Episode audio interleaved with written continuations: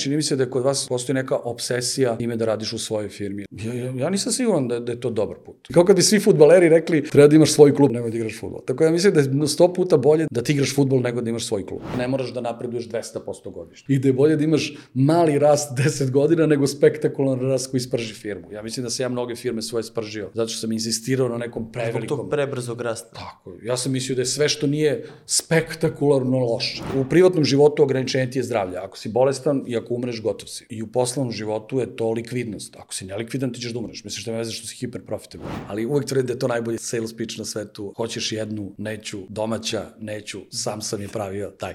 Kad bi me neko pitao da li verujem u formalno ili neformalno obrazovanje, ja bih rekao ovako. Ako je državno, verujem u formalno. Ako je privatno, verujem samo u skupo. Ako tražiš jednostavan i pristupačan način za međunarodna plaćanja, Payoneer ima rešenje. Payoneer je vodeća globalna platforma za međunarodna plaćanja koja sarađuje sa freelancerima, malim, srednjim preduzećima, kompanijama i tržištima u cilju rešavanja njihovih najvećih izazova navezanih za proces plaćanja. U samo nekoliko klikova preko Pionira možeš otvoriti poslovni račun u inostranstvu. Bez obzira da li se nalaze u Americi, Evropi ili Aziji, klijenti ti veoma brzo i jednostavno mogu platiti lokalnim bankovnim transferom i tu valuti koja njima najviše odgovara. Zaboravi na beskrajnu papirologiju, uz brzu online registraciju otvori račun u regionu gde su i tvoji klijenti. Link za registraciju se nalazi u opisu podcasta, bilo da gledate ili slušate. Ovu epizodu podržuje projekat Srbija inovira pokrenut od strane ICT Huba uz podršku USAID-a koji je posvećen jačanju ekonomije uz pomoć inovativnih rešenja za oblasti privrede sa najvećim razvojnim potencijalom. Centralno mesto projekta je formiranje prvog superklastera u Srbiji, globalno potvrđenog biznis modela koji lokalnom okruženju daje rezultate. U pitanju je saradnja velikih kompanija, domaćih i stranih, startapa, raznih specializovanih kompanija, a uključuje svet nauke i akademije. Cilj te saradnje je stvaranje većeg broja inovacija kako bi se napravila baza za dalji razvoj domaće privrede zasnovan na novim znanjima. Projekat je pokrenuo četiri super klastera. Za više informacije iz kojih su oblasti i kako možete se priključiti, posetite njihov website i profile na mrežama. Skaliranje dalje, dalje neki ono level up. Ako ćemo da krenemo. Apsolutno da, da. Učite iz grešaka. Biznis priče. Danas u gostima imam serijskog preduzetnika Vladimira Živaljevića, poznatijeg kao Žika Pakom, filozofa, serijskog preduzetnika, vinara i još mnogo stvari. Žiko, dobrodošao u Biznis priče. Bolje te našo, bolje vas našao.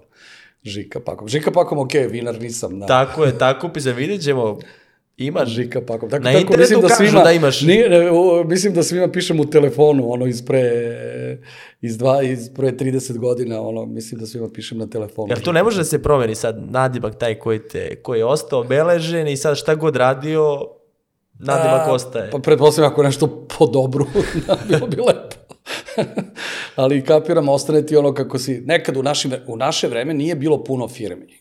Nije bilo puno firmi. I onda, privatnih. Ja, mislim, ipak je to krenulo 90-ih i onda ako tako u to vreme da bi znao na, koga misliš, ti si pretpostavljam stavio imao, firmu. Tako, stavljao firmu da bi si znao na koga misliš u odnosu na neki nadimak. Mislim, pogotovo nadimak. Ja. Mislim, moj nadimak je, vjerojatno ih ima milion. Ja. Ali ima milion, sad kad sam skoro pričao sa, sa Tijom, on kaže, Žika, Žika pločica. žika pločica, bravo. tako da, ali bolje sad pakom ili pločica, da. šta je? Pa, kao što znaš, ja sam, kad sam nesrećno izašao iz pakoma, a onda a, smišljao šta ću dalje u životu, ja sam smislio da to bude neka diverzifikacija u četiri vertikale i ta, čet, tih četiri vertikale su u tom trenutku bili, bile i sada su a, premium segment, internet servisi, a, hrana, pre svega zdrava hrana i a, uh, Ekologija. tretman, odnosno da, reciklaže, takve stvari. Tako da, Uh, u tom smislu sam razmišljao tada šta će biti biznis sledećih 20 godina za mene, pa sam u tom smislu nekako razmišljao. A inače, kad smo već kod pakoma, uh, uh, da te pitam nešto, kako, kako smo mi tada zvali kupce koji su nam dugovali uh, pare van valute? Kako? Pa često, često smo ih zvali. Eto za vas nešto. Krećemo, krećemo sa jakim forama, započinjemo, pa Ove četiri vertikala, ajde kad si već spomenuo da, da te pitam odmah, ti si rekao šta god da se desi kriza, ovo su oblasti koje će opstati, je li tako? Pa ja sam u to verovao. Mislim, naravno, tada to nisam mogao da znam. Ja ispostavljao se da možda i nisam daleko bio od istine, ali mm, nakon Pakoma sam imao još neke dva, još dva nesrećna poduhvata, je tako, i jedva sam se oporavio.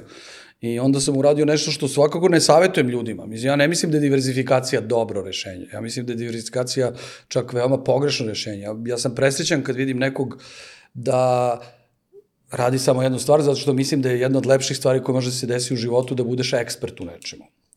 I mislim da to da budeš e, vrhunski performer u nekoj oblasti koja god ona da je, da li, da li sviraš ili si direktor ili si programer, mislim da je to sreća za čoveka, zato što to učini tebe srećnim. Jesi ti generalista ili specijalista? Ti si možda specijalista, široko... specijalista generalizacije. Ma ne, ali to nije tako. Ja mislim da, da vi zapravo sada gledate pu- puno stvari pogrešno. Ja, vi, vi... Ne možeš sad- da me to je- persiraš. Na, kad kažem vi, ne mislim, mislim na sve vas, Na na, na, na, generaciju. I, i, i kad kažem pogrešno, uopšte ne mislim da, da vas kritikujem, samo mislim da vas posavetujem. Zato što vi sada živite, kao, rekao bih, u nekom vremenu e, deduktivnom, gde vi gledajući stvari unazad, rašlanjujete to e, nekim reverzibilnim inženjeringom, verujući da da tako dolazite do nekog sorsa, do nekog izvora. Ali, ali ta vaša logika zapravo ne znači da je tačna. Tako život nije išao, iako vama to zvuči vrlo logično. Odnosno, ti možeš da kažeš, aha, gledajući sada, ljudi su generalici, generalisti i specijalisti, pa ajde da se vratimo na početak, pa da ti unapred odlučiš da li je neko generalist. Ali u stvari život ne funkcioniše tako, nego si ti generalist i na kraju završiš kao nešto od toga. Ali ne znači da si ti trebao da se odlučiš na početku. Život je cik-cak, on nije prava linija. I u tom smislu, mislim da je važno da vi znate kad kažem vi, mislim svi mlađi 20 godina od mene pa nadalje, da se sada narativ vrlo često razlikuje od istine. I ne zato što bilo ko od nas, mene, želi da vam prikaže drugačiju stvar. Nego mislim da smo se mi toliko promenili da ne možemo sad da utvrdimo narativom koji vama pričamo tačno kako se to desilo i zašto se to desilo pre 30-40 godina. Ja sam vidio u tvom podcastu mnogo uspešnih ljudi, u tom smislu nisam ti se dovoljno ni zahvalio što si me pozvao, svakako ne mislim da olako pripadam takvoj grupi ljudi, možda sam tebi lično zanimljiv, ali gledajući tvoje goste, to su stvarno uspešni divni ljudi, i specijalisti, generalisti, kako god hoćeš. Uh, video sam Vesu koji je jedan od kako bih rekao, ja sam, ako gledam sebe da sam iz IT i da mi je to background svakako najuspešniji, a možda i najuspešniji u generalnom plasmanu i kao specijalista i kao generalista. Znači, vidio sam strašno mnogo uspešnih ljudi koji su najbolji u onome što rade. Ali narativ koji čuješ od njih danas je posledica njihovog shvatanja danas. Ne znači da su oni to tako videli i da je ta logika njih dovela do ovde. I mislim da vi u stvari želite da čujete koja je logika njih dovela do ovde, a ne kako, šta oni misle o tome danas. Jer ti zapravo nisi ta osoba koja si bio pre 30 godina. Sad, vi kad simplifikujete ono, šta bi ti rekao svom mlađem e, pre 30 godina, pa ne bi mu rekao ništa, mi se ništa ne bismo razumeli. Moj odgovor bi bio to, zašto ja stvarno tog mlađeg 30 godina od sebe ne bi ništa razumeo. Aj ti kad pričaš sad o svom razvojnom putu, ni ti generalno ne znaš šta je tebe tačno, to jest imaš pretpostavku šta je tebe dovelo do uspeha, neuspeha, ali opet nije to ono 100% sigurno. Da li je taj baš faktor ili je još neki faktor koji jednostavno ne ja možeš znam ni da je. vidiš? Ja sam siguran da su to dve stvari. A, a, I uspeh i neuspeh uh, su, su, dovelo me znanje ili neznanje i traume koje su nastale iz neke koincidencije ili uspesi, odnosno sreće i nesreće. Ajde tako, traume ili, A ili traume? zadovoljstva. Traume su gubici koji su nastali nesrećnim spletom okolnosti. Mislim, nisam ja kriv što sam da, ja otvorio da. firmu, prvu firmu 1991. godine krenuo rat. Ja otišao u Ameriku, marta, je tako, i, i, i, kako se zove, 90. I sećam se tamo na juna, ne, više se ne sećam tih meseci, pa pamtim neke plitvice, deve- ma 91. ili ne znam šta pamtim, 90. A, kako se zove, vesti, Reuters i, i, i, i, početak rata i tako dalje. Što, sam ja znao o tome? Probudio sam se ujutro i ništa nisam znao o tome. Sad ste vi svesni toga da Srbija nije tržište. Ja kada sam se probudio, ja sam mislio da je kako da ti kažem, da je, prvo ja sam se tog trenutka probudio u Jugoslaviji, koja je imala 20 i nešto miliona stanovnika. Dok sam ja shvatio da mi ne živimo u Jugoslaviji, dok sam ja shvatio da Niš nije tržište gde sam tada živo i gde sam rođen, kada sam ja shvatio da Srbija nije tržište, ali dok sam ja shvatio šta je Srbija, prošlo je 10 godina. I nisam ja shvatio šta je Srbija. Šta sam ja znao šta je Srbija? Ja sam rođen u zemlji koja se zove Jugoslavija. I nisam ja znao da smo se mi podelili i, i uh, makroekonomski kao vi sada, jer je hiljadu komentatora na Twitteru reklo nešto, to, pa ne, koga sam ja mogu to? Mogu sam da čitam neke novine, neki magazin, mogu sam da čitam Time magazin i da čitam u to vreme neki srpski magazin i sta dva magazina da se informišem. Pa gde si ti mogu da pročitaš nešto? Šta ja mogu da znam? I ti kad odeš u neki grad bilo koji na svetu, odeš u New York i ti se šetaš nekom ulicom, šta ti možeš, šta, od koga možeš da čuješ? Ti si mogu da čuješ ako odeš na neki univerzitet, šta, zatvorenu akademsku priču o tom univerzitetu. Znači, percepcija koju vi sada imate, ona nije bila takva pre 30 godina. Vi sad imate apsolutni uvid u sve što se događa. Vi imate drugi problem, overloaded E pa to problem. šta je tu problem onda? Pa ne, overloaded, te- onda imate previše informacija, je li tako? Ti kad imaš previše, što se kaže, prokleta mogućnost izbora, ti kad imaš previše informacija, slično je kao da imaš i premalo informacija. Ali je mnogo Imate- bolja šansa za pokretanje biznisa. Pa ne, ja bih rekao da nije bolja. Ja bih rekao samo da je id, u idealnom slučaju za onog, za onog ko je bolji, ko je sklon uspehu, za njega je bolje. Kao što mislim da je ženama lakše ako je ako si super uspešna žena, onda ti je lakše. Jer je de facto manja konkurencija. Ali prosečnoj ženi nije lakše. Obrnuto, muškarcima je možda teže u, u nekom drugom segmentu i trećem segmentu, ali to je taj vaš primer. Vi sada imate primer da ako je vama lakše, to je samo onima koji su uspeli. A oni svi drugi zbog hiper, hiperkonkurentnosti, mislim da je sredina sad mnogo teška. Mm -hmm. Što mislim da je u naše vreme bilo mnogo lakše da budeš u sredini. Vi sad praktično nemate opciju da, da olako budete u sredini. Mislim, vi ne živite, ja sam živio u svetu u kome su te roditelji zapošljavali. Pa, mislim, sećam se, završiš zaposlili? Jeste fakultet, zaposlili negde ili... Završi, završiš fakultet pa te zaposle roditelji. Roditelji ti nađu posao. Radiš u firmi od svog oca ili majke. Pa ti oni nađu posao. To vas... Ti jesi izbegao tu sudbinu ili... A, ja sam izbjegao, ja sam izbjegao tu sudbinu da sam nešto na fakultetu otvorio firmu. A, otvorio sam firmu kad reče fakultet, vidiš, palo mi je na pamet a, sa tog mog fakulteta Mogu ti kažem, je ima jako, o, jako puno uspe, elektronski fakultet ima jako puno uspešnih ljudi. Ti vidiš da je onaj ne, Nikola Božinović prodao firmu za, egzitovao se za jako uh, visoku svotu, ja sad ne znam koja, ali mislim da je preko 200 miliona. Jeste. Pa imaš Dekija Milenovića koji je manje poznat, jer živi u, u Cirihu, on je u mojoj generaciji, mislim on je mlađi od mene, ali blizu moje generacije bio najbolji i dan danas ja mislim da je on jedan od tako najpametnijih ljudi pošto ja stalno tvrdim da je Đera najpametniji, moj kum najpametniji čovjek koga ja znam. Ja. A, u svakom slučaju, Dejan je jedan spektakularan, on se bavi optimizacijom u energetici, ima spektakularnu firmu koja operiše i u Srbiji. Imaš Kopernikus, znači, sa mog fakulteta je mnogo ljudi napravilo te velike firme jako uspešne firme, pogotovo na, vaš, na način kako vi to merite u egzitovanju. Vama ako se ne egzituješ, ko da nisi uspeo. Iako ja ne mislim tako. Ja sam čak veliki protivnik toga. I ljubitelj akvizicija. Ne, ne tačno, nego mislim da nije smisao toga da se egzituje. Zato što opet mislim da olako kopirate američki sistem. A šta je smisao, ajde, tog biznisa? Ja ne, ja, ne znam šta je smisao. Mislim, to, to je lako pitanje. A, a zapravo je... Težak odgovor.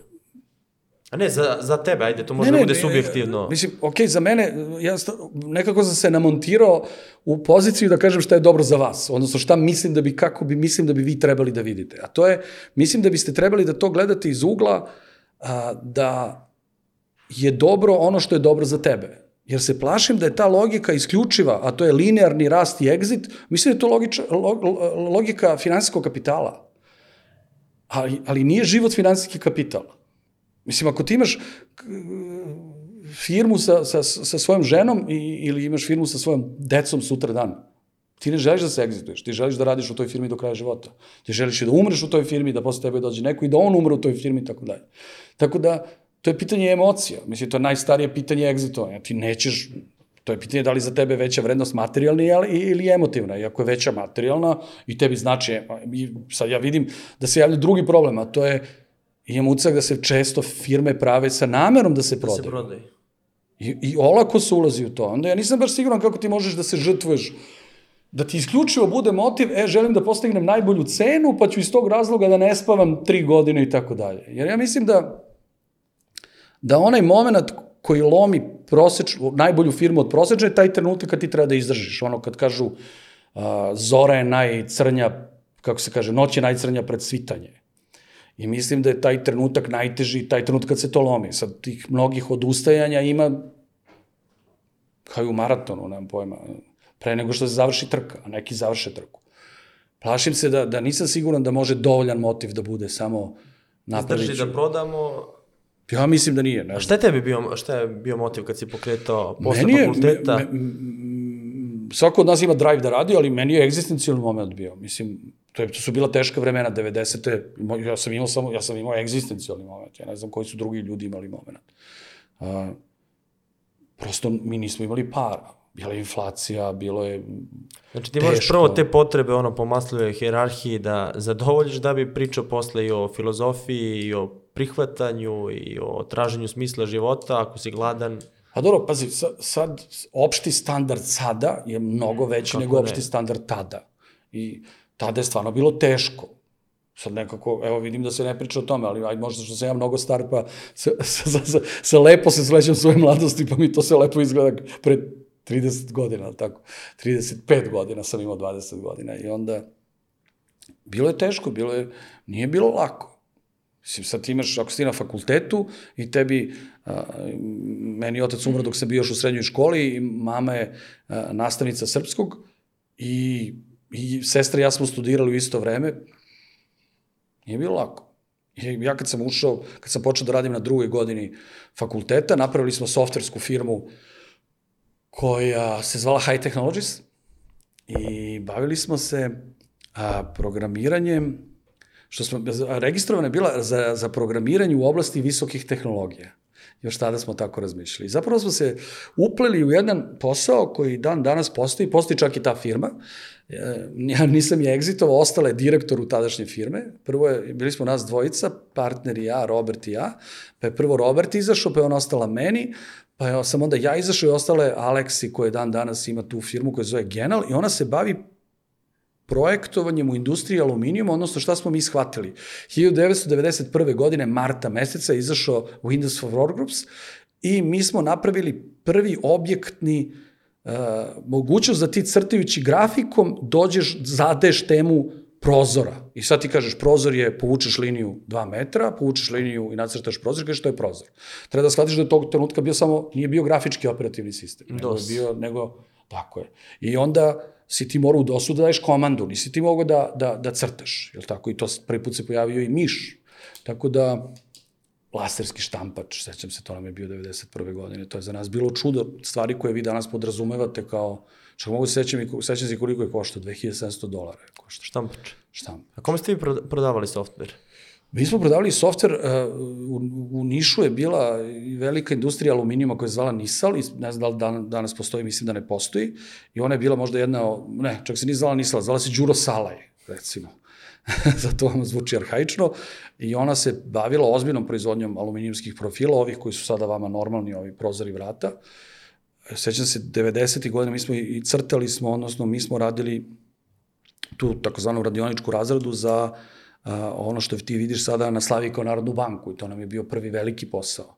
I onda smo prodavali taj softver tada velikoj industriji aluminijuma i onda se, pošto, pošto iz tih velikih, gigantskih firmi, izlazili su ljudi i pravili su svoje male radionice, a kasnije njih pretvarali u neka ozbiljna preduzeća, onda smo i njima prodavali. Kako ste prodavali to kao licencu ili Kao licencu. kupi ta velika firma koliko mu licenci treba? Pa da, kupi nije to jedna 20, licenca 30, već? Da, i onda smo to prodavali, to je bilo naravno jako skupo, jer je za industriju.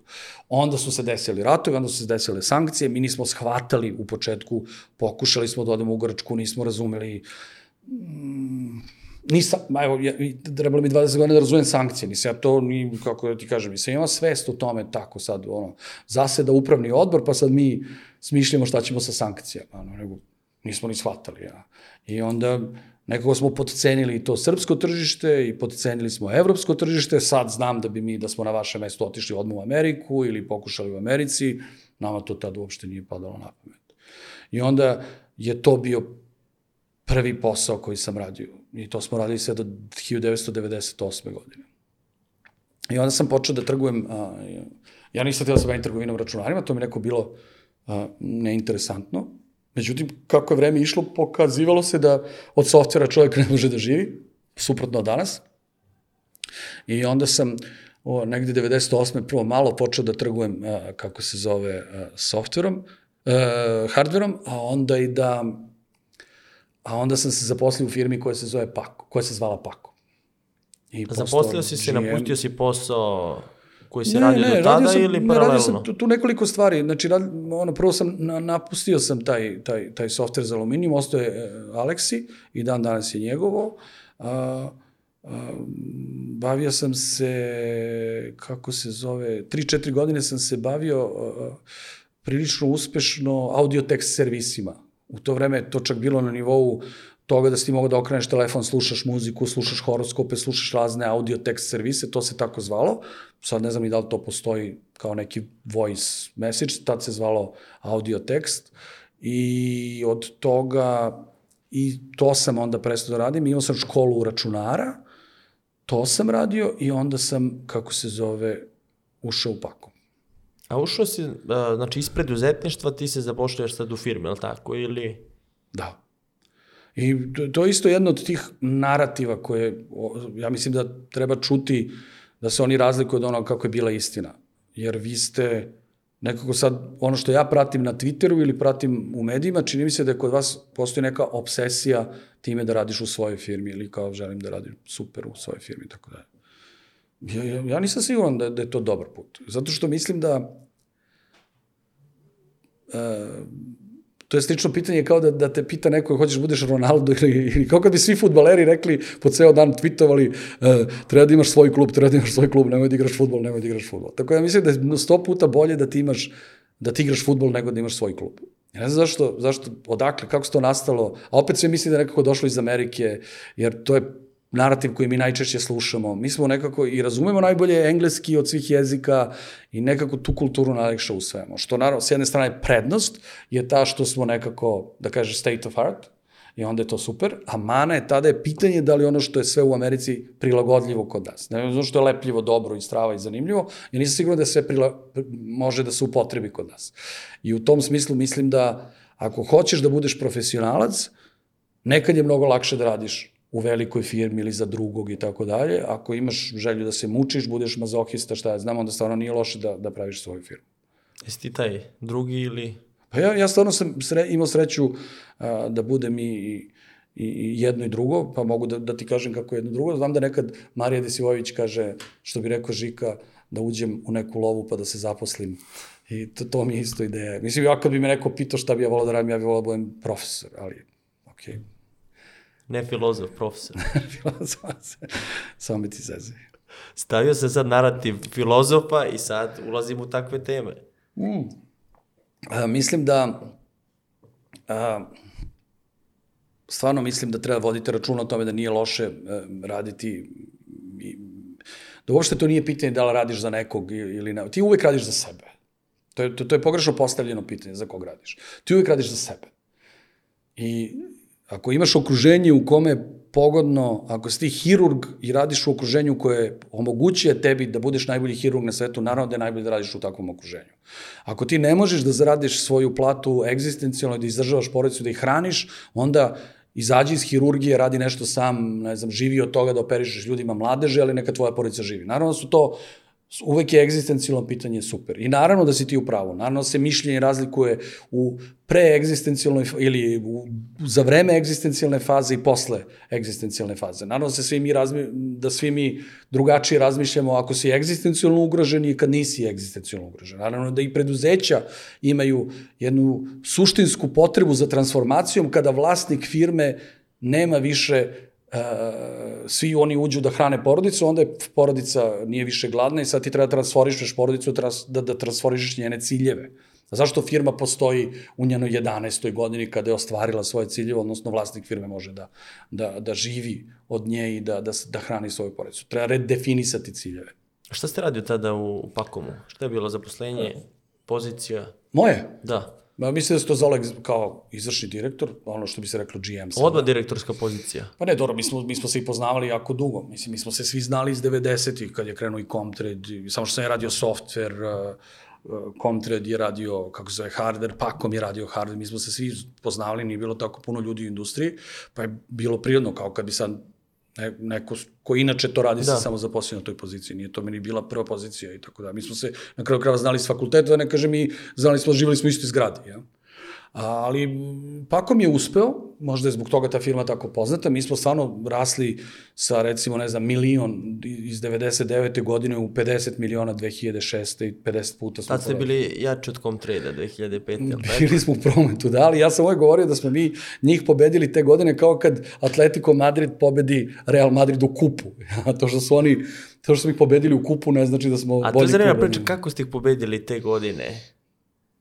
A, kako? Pa ne sjećam se kako. Pričao si mi da se radila nedelja, A to, subota. na to misliš? Aha, pa imali smo taktiku, u stvari, imali smo dve taktike. Sad, meni je uvek Đera bio ono kao, pošto je Đera bolji od mene. Tvoj kum, on je bio tad u Comtrade, jel tako? Tako je. I on je ovaj, bio, bio bolji od mene i mi smo nekako gledali nama je, kad smo, kad smo radili SWOT analizu, mi smo videli da, je, da, da svako od nas pojedinačno u Comtradu bolji od nas na istoj poziciji.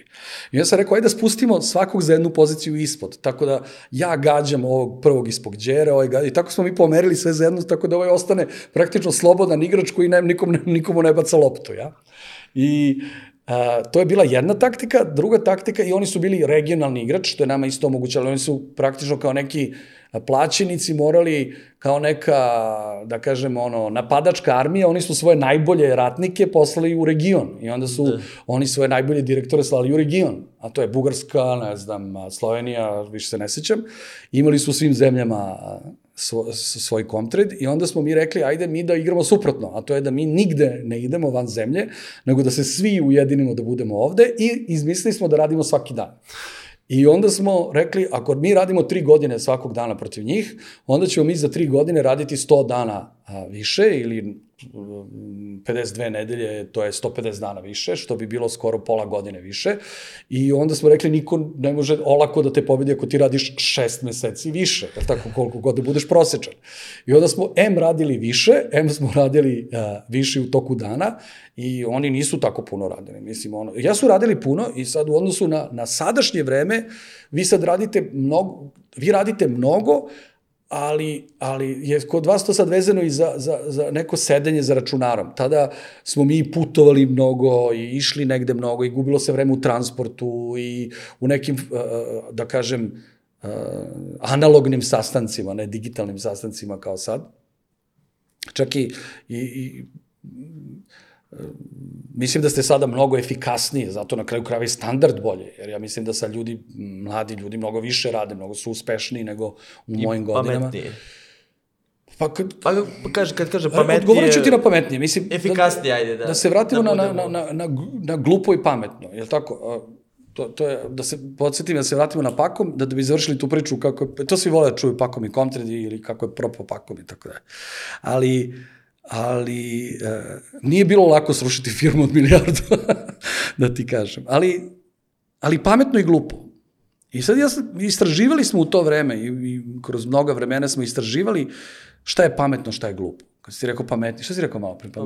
A Za, zašto Ajde da, da kažem efikasnije. Pa to što ti kažeš da, da vam je Za trebalo... mlade. na Aha, vi primer- ste sad pametniji, Ne, ne, ne, ne. a, Ne, ne, okej, vi ste sad ne, ne, pametniji. Mora, moramo da definišemo. Ovo što si rekao da vam je 3 sata naprema odlazilo na transport, sad preko Zooma, ajde da, da kažemo da to možemo da, da uštedimo i dobijemo 30 Ne, ja mislim minuta. da ste pametniji, ali reću ti zašto, Ali ajde, da. po kojoj definiciji. Prvo, naravno, mladi su uvek pametniji. Amin. Ja? Na mladima sve to ste. To uopšte nije tema.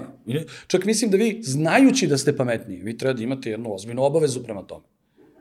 Jer ja mislim da, mislim, ja sam mlade ljude koje srećem oko mene, vi ste svi, mislim, vi ste svi bolji od mene u svakom pogledu. Mislim, hvala Bogu, ja. Ali postoji ali. Ne, nema ali, ne, nego da, da definišemo pametnije i glupo. I mi smo rekli, ok, šta je pametnije, šta je glupo? Ajde vidimo šta je glupo. Jer ti često na sastanku imaš, on je glup, ova ideja je glupa, ova firma je glupa, ovi su glupi, ovo je glup potez, ovo je glup projekat, ovo je glup proizvod, ovo je glup i tako dalje. Ja sam mi rekli, ajde vidimo šta je glupo.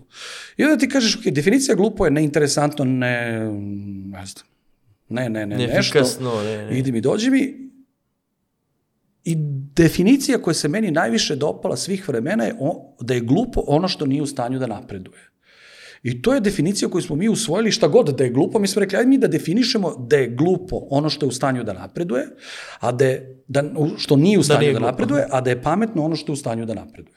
I ti sad lako možeš da gledaš, da kažeš, ok, glupo, glupa veza je ona koja ne može da napreduje, glupa firma je ona koja ne može da napreduje, glupa valuta je ona koja ne može da napreduje. I sad ti može lako, mislim, prično, kako da kažem, prično je lepljivo, lako je lepljivo za svaku pojavu ako je nešto glupo. Glupa veza, glup brak, glupa firma, glup posao. Kakav ti je posao glup? Pa ja ne mogu da napredujem u njemu. Ok, dovoljno. Tako gledano vi jeste pametniji, jer vi možete da napredujete. I vi ste a priori pametniji, jer a priori možete da napredujete. I u tom smislu vi treba da budete svesni te odgovornosti, pa da ih koristite. Sad kad znate da ste pametniji i sad kad znate da imate i tu moć i tu mogućnost, valjda je pažljivo koristite. Jer onda i to odgovornost prema sobstvenom životu, jer vaš život i moj život. Ja ću sledećih 20 godina da živim manje više kako vi kažete, jel tako? Ne, ne pita mene niko u 70 godina kako ću ja da živim, nego kako vi budete stvorili tu zemlju i to tržište i tu industriju, ja ću da koristim blagodati toga, ne, ne pitam se ja više ništa. Tako da je meni drago što ste vi pametni i imam veliko poverenje Pa u vas. pitaš se, imaš pravo glasa, kako ne? Da, ja se nadam stvarno da ćemo mi da vas posavetujemo. A reću ti zašto. Zato što moja mama, baš kao i većina naših roditelja, je rođena posle rata. Moja mama je rođena 43. Od, ja od moje mame, ali da se vratimo na pakom, ja od moje mame, ovaj, teoretski nisam imao šta mnogo da uznam. Ona je nastavnica, ne zaboravite da smo mi svi do, živjeli u stanovima koji su nam, dobili smo od države na poklon moji roditelji, tako kao i većina ljudi. I okej, okay, ja sam mogao da stanujem, imao sam kron na što nije malo, mnogim ozbiljnim zemljama u Londonu ni to ne bi imao, jel tako? Ne znam, u Cirihu ne bi to imao, 30% švajcaraca ima a, vlasništvo nad a, nekretninama. I mislim da je velika privilegija što smo mi eto doživjeli taj prethodni period u kojem smo mi dobili stan, krov nad glavom i u tom smislu nemamo taj strah. Ja sam uvek mislio da možda to što nemamo taj strah prozrukuje da smo malo u zoni komfora, što biste vi rekli, ali, ali je to druga priča. U svakom slučaju, ja od moje mame nisam imao šta da uzmem. Ja od moje mame da uzmem, mogu da uzmem stan. Ona, to, to, to, što sve što ima moja mama. Ali to nije slučaj sa hiljadama ljudi koji sada imaju 60 godina, 50 godina, 60 godina, 70 godina. Jer o njihovi roditelji ništa nisu imali, ali su stvorili tu generaciju, kako nas vi zovete, ja, boomeri, ja. Mi, vi ste stvorili tu generaciju, mislim, oni su stvorili tu generaciju i mi smo, i mi smo sada širom sveta, moja generacija, između 50 i 80 godina, ima jako mnogo firmi, milione firmi, milione a, radnih mesta, milione nekretnina, milione, koje vi treba da preuzmete. I pričali smo, ajte, jednom Pa sad je, jel u Americi O- sad o taj tome naj, da- najveći generacijski taj prelaz uh, imovine što se tiče i bogatstva?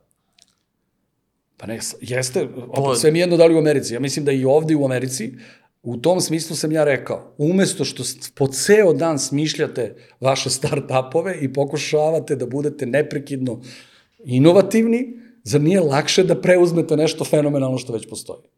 Ja ne mogu zamisliti da, da bilo ko od vas da uđe u bilo ko dobru ovu firmu na svetu, osim specifičnu firmu u kojoj baš dete i vlasnika firme baš hoće se baviti time što je jako redko, što je meni nažalost jako redko. Mi prosto nismo skloni tome da radimo transformaciju, a, prelaz taj dobru, kako zovu sada ovu futbolu? Zovu transformacija. Transfer, da. Transfer, šta? Kako zovu u futbolu kad pre, prebaciš loptu iz, iz, iz odbrane u napad? Jel Tako zovu transformacija? Ajmo, futbaleri. Tranzicija, tranzicija. To Tra, vidim, slušao sam na onim, to, tranziciju s generacije na generaciju, taj prelaz lopte, prebacivanje lopte mi ne radimo dobro.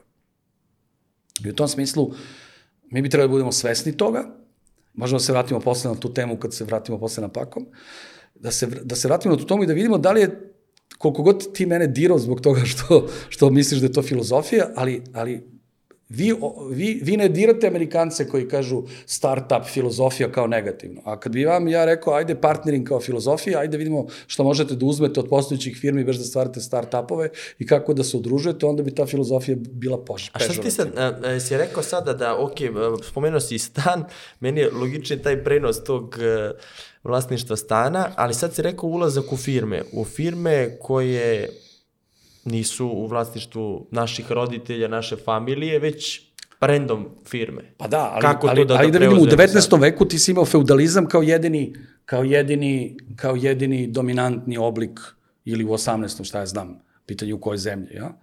a, kao dominantni oblik toga da ti možeš da naslediš veliko bogatstvo, Dobro. a i sad možda je u Srbiji počelo već u 19. veku neki bogati trgovci, ali ti trgovci su male- kod nas postajali kraljevi, je li tako? A, da kažemo da je feudalizam.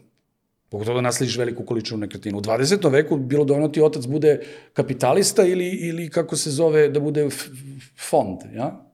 Pa ti ako hoćeš da, da imaš veliko bogatstvo, mora preuzmeš fond, što je nemoguće. Ili ako su ti roditelji vlasnici fonda. Znači, feudalci, fond, i sad u 21. veku vi ste počeli da verujete te, da je to tehnologija. Ali ja nisam siguran da je to na, na duge staze tako. Zato što tehnologija ima tu manu da je i mi takođe. Mi tu. Ja, ti, svako ima tehnologiju. Jer ako je ona dostupna, svako će da ima. Kako god tehnologiju ti da napraviš, neko drugi će da ima sličnu tehnologiju. Ili istu tehnologiju, ili jeftiniju tehnologiju. Ako se ti oslanjaš samo na tehnologiju, a ne na ljudi ili na logiku, ja mislim da ti imaš problem. Šta god da izvedeš, na duge staze će neko da te stigne. Ali šta sad ja da, evo, ja, na primjer... Samo sekund, samo sekund, evo reći ti. I sad, ako si ti tad možeš da, na, ako si ti mogao da nasleđuješ u oba puta, ja mislim da ti po prvi put sad možeš da preuzimaš. Od koga? Pa, ja mislim da da taj bogati otac, to sam pre neki dan pričao negde, da taj bogati otac više nije tvoj otac. Da metaforični bogati Dobro. otac, pod navodnicima. On više nije tvoj. Ti treba da nađeš ko je tvoj mentor, ko je tvoj partner, ko je tvoj dobavljač, ko, i sad od tih ljudi sa kojima ti E, sarađuješ. pa to je već, da. Od tih ljudi s kojima ti sarađuješ i kako ti preuzimaš posao. Ako ti uđeš sad u veliku firmu, ako neko uđe u, u podcast kao firmu i ima 17 godina, on za 10 godina može da preuzme većinski deo tu firmu ako se njome najviše bavi i njegova rešenja su u tih 10 godina vrhunska. Znači svako iznutra može da preuzme bilo koju organizaciju ako se dovoljno uspešno njome bavi. Pa nije li, uh, nije ovaj, kako se zove, Steve Ballmer bio uh, osnivač Microsofta? Nego Paul Allen, je li tako? Da. Ne vezano za Bill Gatesa. Pa je Steve Ballmer umro, ili umro, izašao iz firme sa, ne znam, 10% ili 15%. Znači, Profesionalno. Znači, možeš ti, dok, sad Amerika kao predvodnik toga, pa onda ako gledamo šta se događa kod nas, ti, ti možeš da kažeš ja mogu u bilo kojoj firmi da nasledim bogatog oca, što bi oni želeo. Jer, jer većina ljudi, većina tih velikih vlasnika firme želi takvu vrstu pomoći, jer svako od nas želi to svoje dete. pošto je sad otvorena ta opcija i vestinga i da su te stvari bliže danas. nama. Ali odakle vama, odakle vama, mislim, to je paradoks, odakle vama, pa niste vi fond. Znači, vi možete da investirate e, ne kapital, vi treba da investirate znanje i vreme. To je ono što vi imate. Šta vi imate? Koje Da. da. resurse? Znanje i vreme, vi nemate kapital. Da, ali kroz godine da dođeš do, do nekog dela. Tako je, do, do nekog udela, koji ti u početku služi isključivo da bi ti realizovao svoje pune potencijale. Ne da bi rešio egzistencijalno pitanje. Ti od plate imaš egzistencijalno pitanje. Ali ako ti hoćeš da rešiš veće pitanje od egzistencijalnog, ja mislim da treba da da, da ideš iznutra. Mislim da je partnering način, to smo pričali jednom ti ja ovaj, na nekom ručku, a to je da da je partnering meni tehnologija 21. veka. Pričat ćemo o tome posle ćemo Da se vratimo na Pakom, Ali ne, ne, kako je ba- Pakom pobedio Compton. Da, da se vratimo, to je ono što si rekao malo pre za mlade, ono exit strategija, ne može, nemaš taj žar da ti radiš i subotom i nedeljom. Šta je vama bio žar da radite subotom, nedeljom, tri godine i da stignete Comtrade? A, Šta ti je davalo snagu ujutru da ustaneš u nedelju ujutru i da ideš na posao? Tebi i ljudima koji Ja su mislim radili da, s da je velika, veli, moj veliki motiv je bio takmičenje. Mislim, mislim da je takmičenje bilo najveći razlog. Mi smo se stvarno Mi protiv njih. Mi protiv njih, ono Pepsi, Cola, Coca-Cola, Zvezda, Partizan i mislim Uvek da smo radi. mi to ratovali. Pa ne, mi smo to volali. Mislim, ja sam volao stvarno. A ostali? Pa U svi su volali. Znaš, to, to su bila ta nova vremena. Mislim, to je stvarno tad bilo novo i I, pošto je bilo malo firmi, onda je lako da one budu slične. Sad, sad vi imate, vi pokrivate sad toliko mnogo različitih industrija da praktično redko kad ima dve vrhunske firme u jednoj oblasti, jer ih ima milion. U naše vreme nije bilo tako, mno, i mladi ljudi su ušli samo u novu industriju, što je IT. Mislim, mi smo se mi bavili gradnjom zgrade ili puteva, mi smo se bavili IT jer je to jedino bilo slobodno. I pošto je bilo slobodno, na početku je bilo nekoliko firmi i onda to bili taj Pakom, bio Comtrade, bio PIN iz Novog Sada, bio Akores, Tehnikom iz Beograda, a sad te firme vam, ništa ne znači. Koliko ste vi, znači vi ste u toj godini 50 miliona imali promet, pakom? Koliki je profit, misliš, bio? Ne, ne, promet, to, to me zanimalo. Pro, pa, reven, da, prihod je bio pre, nešto više od 50 miliona, ako se ja dobro sećam, i znam da smo ih nešto dobili u tom prometu i onda sam se ja kladio kao ja sam rekao, a, ja, onda su oni rekli, da, ali ne računa se nešto. Bila neka drama oko Ti toga. si kasnije okumio sa tom konkurencijom. Jeste i e, kumovi smo oni i ja, a kumovi su i, i Saga je bila treća velika firma tada i onda su njih dvojica kumovi, tako svi smo kumovi iz... Od iz- rivalstva do... Od rivalstva velikog do, do, do kako se zove, e, do prijateljstva, a to je zato što mislim da je kao i u vašem svetu ti znaš koji su ljudi, bez obzira da li su ti rivali i takmičiš se protiv njih, e, ako, su, ako deliš iste vrednosti, ako je to ako su tu ljudi s kojima se slažeš, naravno da možeš da budeš kum. Mislim da, da je bilo vrlo fair i to je jedan od razloga zašto ja stvarno mnogo cenim Vesu, jer sam mu bio kako kažem, borio sam se protiv njih i imam pravo da kažem kao neko ko je bio sa druge strane o tome da su oni uvek ratovali fair i da nikad ništa nije bilo ispodvale, zbog toga ja njega mnogo cenim i mislim da je on postavio da, da IT industriju u Srbiji, da je on kamen temeljac toga da to danas bude ovako dobro, zato što je on postavljao uvek ispravne, ispravna pravila i nije dozvoljavao da se vara, jer je bio najmoćniji. A šta je bilo tu sad varanje? Bilo i prljavih igrača sigurno na tržištu. Sigurno, šta je pa tu da. bilo? Šta je tu bilo varanje sad i Ne sećam se, to je, igra? to, je, to je neprekidno nešto da ti dozvoljavaš da može da se nešto... Mislim da je, da je na- najvažnije bilo to da nije nikad dozvoljavano da se bude nek, nekorektan prema tržištu, jer to je ta esnavska odgovornost koju ti imaš. I sad ako ti imaš recimo lekara koga hvali drugi lekar, on će reći da je njegova najveća Uh, i ako je moćan lekar, ti ćeš da kažeš, on nikad nije dozvoljavao da neki lekar bude nekorektan prema pacijentu. Ja, mislim da taj, kas, vi sad lako definišite customer support, jer je on standard, ali u naše vreme to nije bilo tako.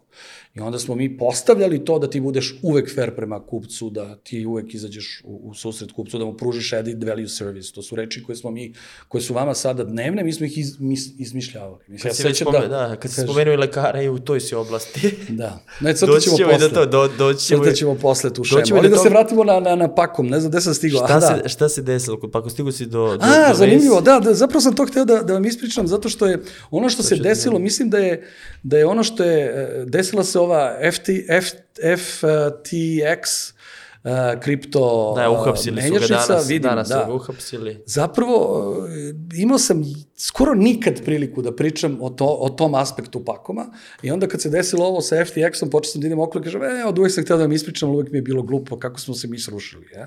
Tako da evo ti mala ekskluziva. Mi smo se srušili tako što smo u to vreme mi najviše investirali od svih firmi u zemlji u, u, u, u software i proces kupovine, odnosno e-commerce i mi smo 2005. godine imali Ja se sećam decembra meseca 300.000 evra prometa u B2C-u, što je za to vreme bilo spektakularno. 2005. Za software pre pričaš, 17 da. godina. Ne, ne, na, na e-commerce-u, klasičnu Na e-commerce-u. trgovinu, da. Imali smo dve- 300.000 evra tog meseca. Ja sad čak imam jedan snimak na nekom telefonu koji ne mogu da nađem, kako ja snimam u u šest ujutru k- kamion, kako ga punimo za isporuku i uh, u kesi su pljeskavice, 18 pljeskavice, jer 18 ljudi utovarivalo robu u kamion jer je toliko kupljeno preko vikenda. Pun kamion. Ja. neke od stvari su bile gabaritne, kao što je monitor ili tako nešto. Znači, mi smo prodavali tad samo kompjutersku opremu i bili smo jedini, jer smo mi i uveli payment gateway, odnosno mi smo ga napravili sami, ali smo imali prvi e-commerce u Srbiji, da ja znam. Ja? Međutim, ono što smo mi najviše ulagali je bio taj proces kupovine, tada nije postojala ni veštačka inteligencija, I ono što je jedino, jedino postojalo u to vreme bilo nešto što smo mi zvali di- dinamički, e, smo menjali sadržaj, ono što vi sada podrazumevate, to je, mi smo, u odnosu, mi smo merili, recimo, posećenost neke strane i onda smo ih sortirali da na homepage budu proizvodi koji su najposećeniji tog dana, resetovali smo sve na dva sata da bi se videlo šta prirodno ljudi, stalno smo menjali šta prirodno ljudi gledaju. I to nam je bio sad, znam da vama to zvuči smešno, ali to nam je bio jedan, jedna strategija, a druga nam je bila zapravo mnogo pametnija. To je da vidimo, to vi sad zovete cross-selling, ali mi smo tada, to smo mi zvali konfigurator. A to je da pokušamo da ljudima konfigurišemo kupovinu u odnosu na ono što oni hoće. I sad bi ti rekao, u tom našem idealnom slučaju, ja imam jedan podcast studio, daj mi sve što mi treba za njega. I on ti kaže dva mikrofona, dva držača, kabel, televizor, sijalicu, e, kamere i tako dalje. I ti onda njemu na nekom a, potencijometru kažeš aha, smanji mi ovo, poveći mi ovo, hoće mi bude belo, hoće mi bude crno, važno mi je kamera, manje mi je važan mikrofon, više mi je važan mikrofon, vi, važno mi je kako izgleda i tako dalje. Znači ti kao lajk si bio u stanju opisujući ono što tebi treba, da mi prevedemo tvoje potrebe u ono što tebi tehnologija može da omogući. A ne da ti ideš metodologijom koja se zove, aha, znam čoveka, on je ekspert za snimanje, ima studio, radi u studiju, muzičar je Zoki, da te pitam koji ja mikrofon da kupim. Ne, nego ti kažeš hoću da se čuje dobro glas i tako dalje. Nešto što je danas prilično logično, ali tada je bilo potpuno avangard. Radeći na tom projektu, mi smo ustanovili, odnosno programeri su ustanovili, da i počeli su da rade upoređivanje raznih stvari, jer upo, on praktično stalno upoređuje, upoređuje o, o, ovu kuhinju i onu kuhinju, ovaj auto i onaj auto, ovu cenu kože u automobilu i klime i tako dalje. Oni su stavili, oni su ustanovili, oni su počeli da upoređuju kvote na kladionici. I to se zove arbitražna trgovina, jer ja ne znam šta, da li znaš šta FTX radi zapravo, on je radio arbitražnu trgovinu, ja? I arbitražna trgovina ti je da ti unutar nekog zadatog vremenskog intervala trguješ sa razlikom u, u, u, u ovoj, kako se Ceni. zove, u ceni, kursu i sad ne znam, FX ili kripto ili šta god. U svakom slučaju mi smo ustanovili da mogu da se rade, odnosno programeri su ustanovili da mogu da se rade makazice i da a, kako se zove, da mogu da upoređuju kvote na kladionicama. I da praktično ti sigurno možeš da se kladiš protiv dve kladionice, tako? Ako je jedna 2-2, a druga 2-3, ako ti to ukrstiš, ti ćeš dobiti i kladiš se s proporcionalnim iznosima para, ti ćeš dobiti. Što je FTX radio u kriptomenjačnicama? ti praktično, pošto su margine jako male, moraš da ulažeš jako velike iznose da. novca, jer su margine u promilima. I treba da uložiš ogromne količine novca, kapiram da su oni tako nepažljivo, verovatno gledajući svoj risk, taj risk management verovatno je imao višak likvidnosti, nije dobro procenio šta kad ljudi izgube ili ne znam, nemaju novce pretpostavljam da su da su tako propali. U svakom slučaju, programeri su shvatili to i onda smo mi onda su oni krenuli da, da, da, da žele da dominantno se bavimo istraživanjem softvera u oblasti a, arbitražne trgovine, a, valuta, a, a, akcija i tako dalje i tako dalje. Ja sam otprilike bio baš protiv toga i mislio sam da treba najviše se bavimo e-commerceom i da to treba da bude naša budućnost. I onda smo imali tu firmu Pakom Internet koju sam, koje sam ja bio osnivač i, i, i, i, većinski vlasnik od nas trojice. I počeli smo da razvijamo taj B2C i otprilike smo se tu negde razišli kada, i onda ja sam izašao, mislim izašao, uh, bio taj hostel takeover tog pakom interneta, izašao iz same uh, centralne firme 2007. I šta se desilo osme godine? A, to je drugo. Propalo ili devete? Kad je... O, kako su, kad su oni propali? Pa ja mislim da su propali 2009. Ja sam, kako se zove, imao 2006. tu Uh, mislim, ja, tad, ja, ja tad, mislim, sad je to opet, sad je opet, sad ja moram da ti kažem, sad je to stvarno upravo dokaz razlike između narativa i kako se nešto desilo. Do, dokaz razlike da narativ koji mi možemo da pričamo danas nije zapravo istinit u odnosu na ono kako se desilo. Što vas misliduje da vi verujete da smo mi znali nešto što nismo znali. Ali ti si imao te prezentacije na godišnjem skupu svake godine, gde si ti svake godine, koliko godina za redom, stavljao ok planove i analizu šta se tu desilo, šta će se desiti u budućnosti. Jedna prezentacija se zvala Vetar duva koga će odneti. Je, 2006. godine, septembra, znači mi smo od septembra imali godišnji skup nas i svih naših partnera, kada filozof, je li tako, treba da kaže šta će se desiti sledeće godine. A mislim, ja sam to volao zato što sam volao da kažem šta ja mislim da će da bude fokus sledeće godine.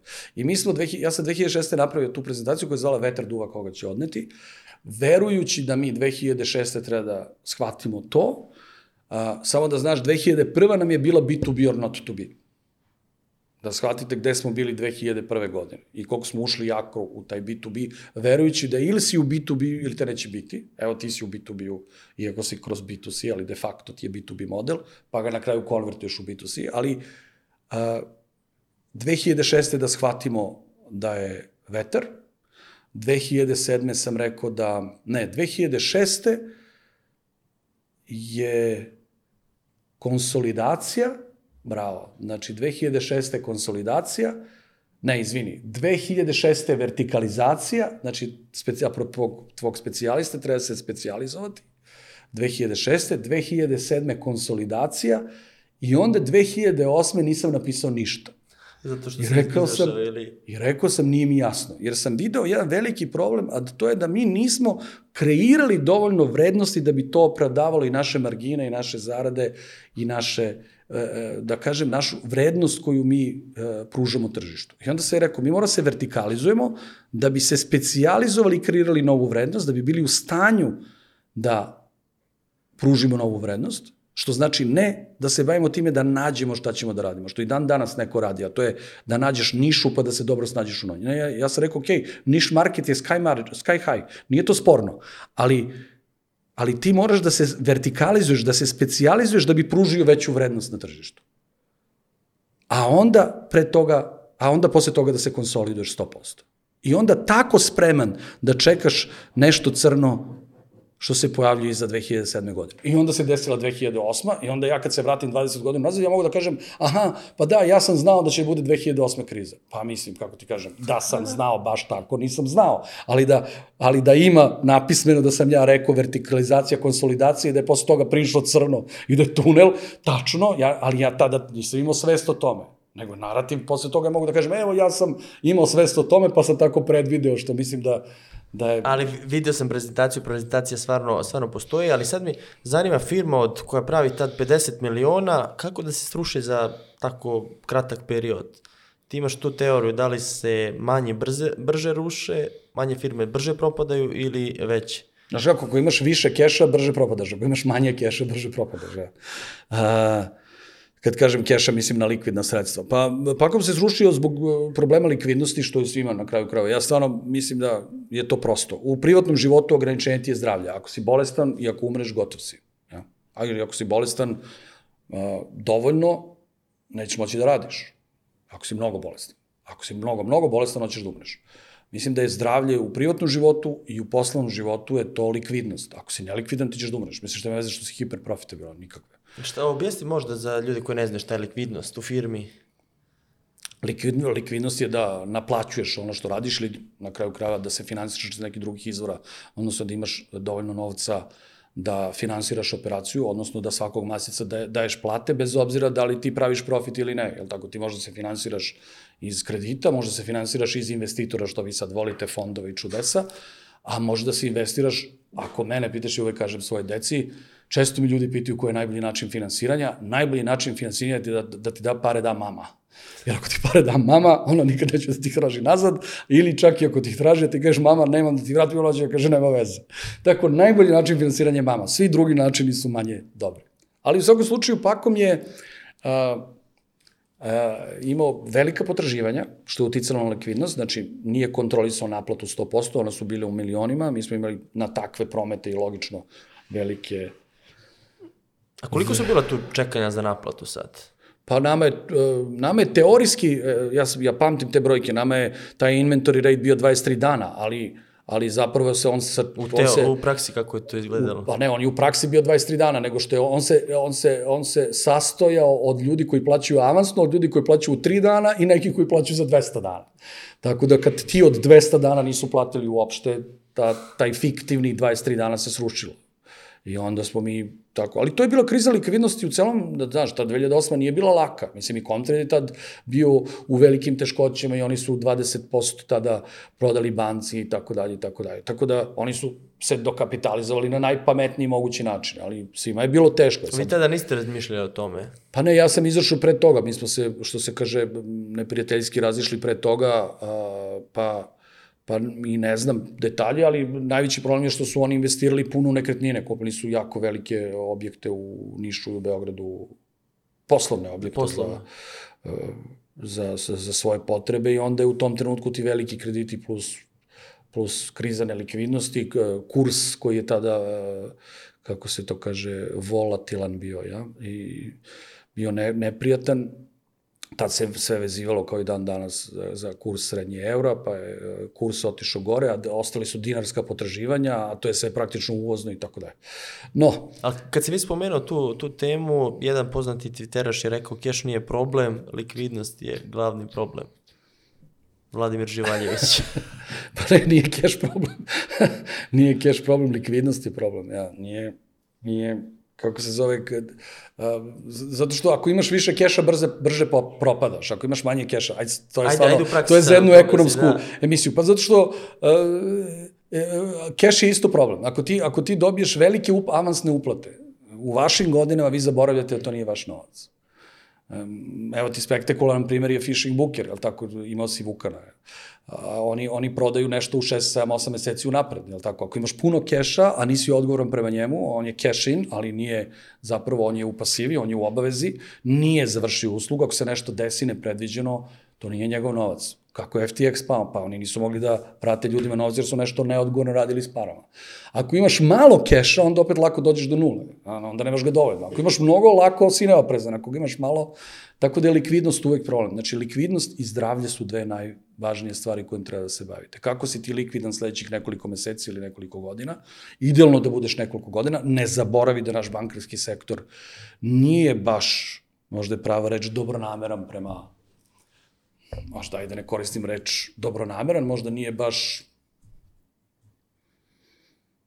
blagonaklon prema vama preduzetnicima. Mi dobro znamo koliko problema postoji u, pred, u tome da, da preduzetnik dobije kredit i dan danas postoje uvek i tako dalje.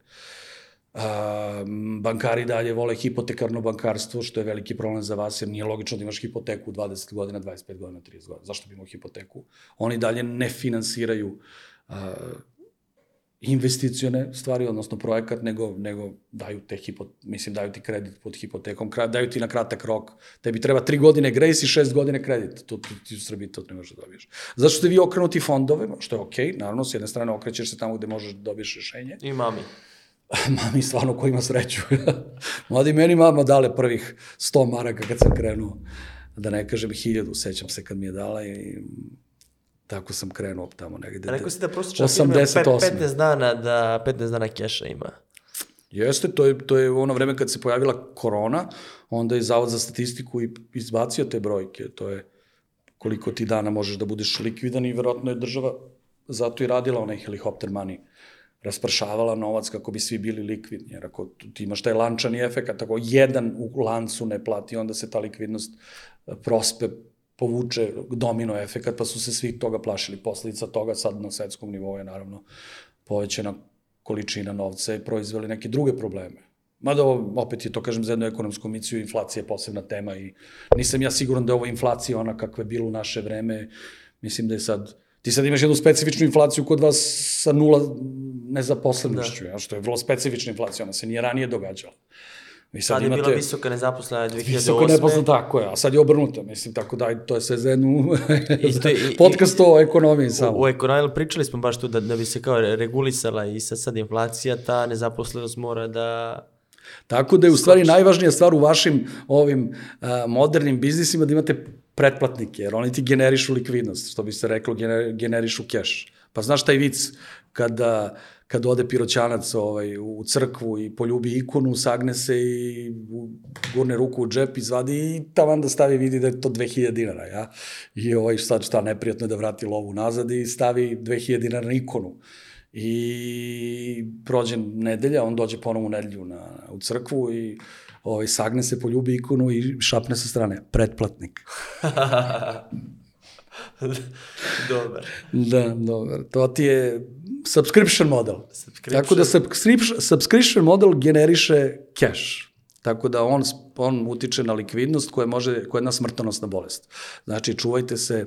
Ali kad smo, kad smo već kod uh, smrtonosne bolesti, uh, rekao sam ti da uh, proizvodim pečurke, sam te pitao sledeće pitanje. To je, da li bi mi verovao kada bih ti rekao da postoji pečurka koja leči da imam pečurku koja leči smrtonosnu bolest za jedan dan. Da li bi mi verovao? Ne.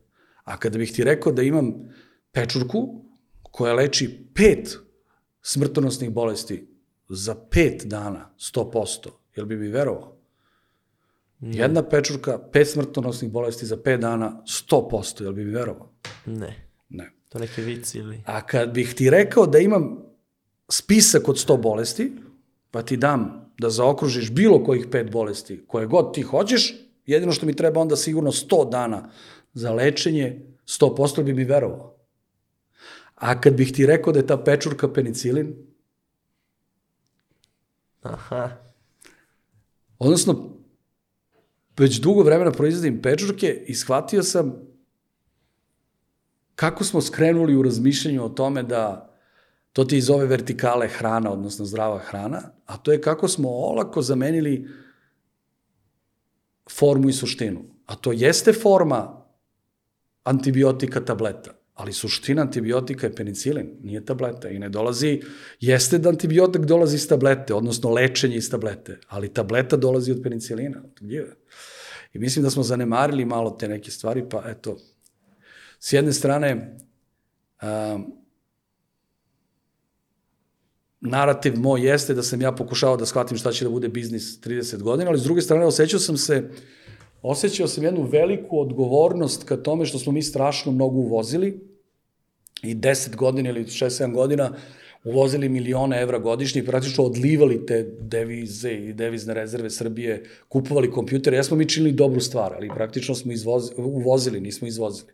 I onda stalno tragam za time da, da nađem neko dobro uh, dobar posao gde mogu da izvozim, da, da, vrat, da nekako tu karmu, da, da ono što sam u mladosti, da kažem, nekako uradio, eto, nisam uradio korisnu stvar. Mislim, mislim da smo mi sad u Srbiji izmislili kompjutere, u redu je što smo onda bili nagrađeni slavom i uspehom, ali mi smo uvozili kompjutere i davali pare tamo negde, jel tako? Mi živeli od razlike u ceni. I sad si i u pečurkama i u ekologiji, ali pričat ćemo o tim stvarima. Zanima me, rekao si, rastali smo se tu u neprijateljstvu, kako je puklo to partnerstvo? Pa ćemo doći do teme partnerstva. Šta si ti razvio teoriju partnerstva? Znaš kako se to kaže, ovaj, u početku polako, onda brzo. pa ne znam, nije to nešto što bi, nije čak ni tema, ne znam. Iskreno rečeno, čak sam i puno razmišljao, čak smo i pričali o tome, ne sve, čak sam skoro seo srđena e, jednog od vlasnika Pakoma, pitao sam ga, on se i ne seća. Nije to baš bilo tako, bili smo mladi, nismo mi to baš znali, nismo mi to sad imali svest. Pa da. A sad ta teorija partnerstva, ti imaš tu teoriju partnerstva, ja mogu da ti dam i drugi papir da možeš da, da crtaš kako se biraju partneri, šta si ti naučio iz tih partnerstava, zašto mladi, ono što ti kažeš i mladi, kaže, treba da imate, doduše to je tema više Pobede. za, za mentorstvo, ali... Partnere. Da. Pa ja sam protiv toga da imate start-upove, ja mislim da treba da imate partnere. Aha. Ali, ovaj, ali zapravo da se vratimo na ono da, da ne uči se iz, iz, iz pobeda nego iz poraza. Mislim, to, to nije tako. To isto je rekao jedan Twitteraš, ćemo da ga spomenemo ili... Milančeta. A re, red Milana Strongmana da spomenemo. On je rekao, Šta je napisao ovaj, na Twitteru? A on je rekao, ne uči se iz pobeda nego iz poraza. Ja sam mu rekao, pa da, posebno ako si mrtav i pametan, ja. Tako da, elem, mislim da porazi, porazi super ako si preživao, ali ako nisi preživao, stvarno su To je korporativni narativ. To vole u korporacijama da kažu. Pa ja mislim da je to narativ s LinkedIna. To je neko moje mišljenje. LinkedIn je mesto gde ti imaš mnogo korporativnih ljudi koji imaju le, dovoljno vremena i, i, i, i dovoljno im je važno da opravdaju eventualno svoj, kako se zove,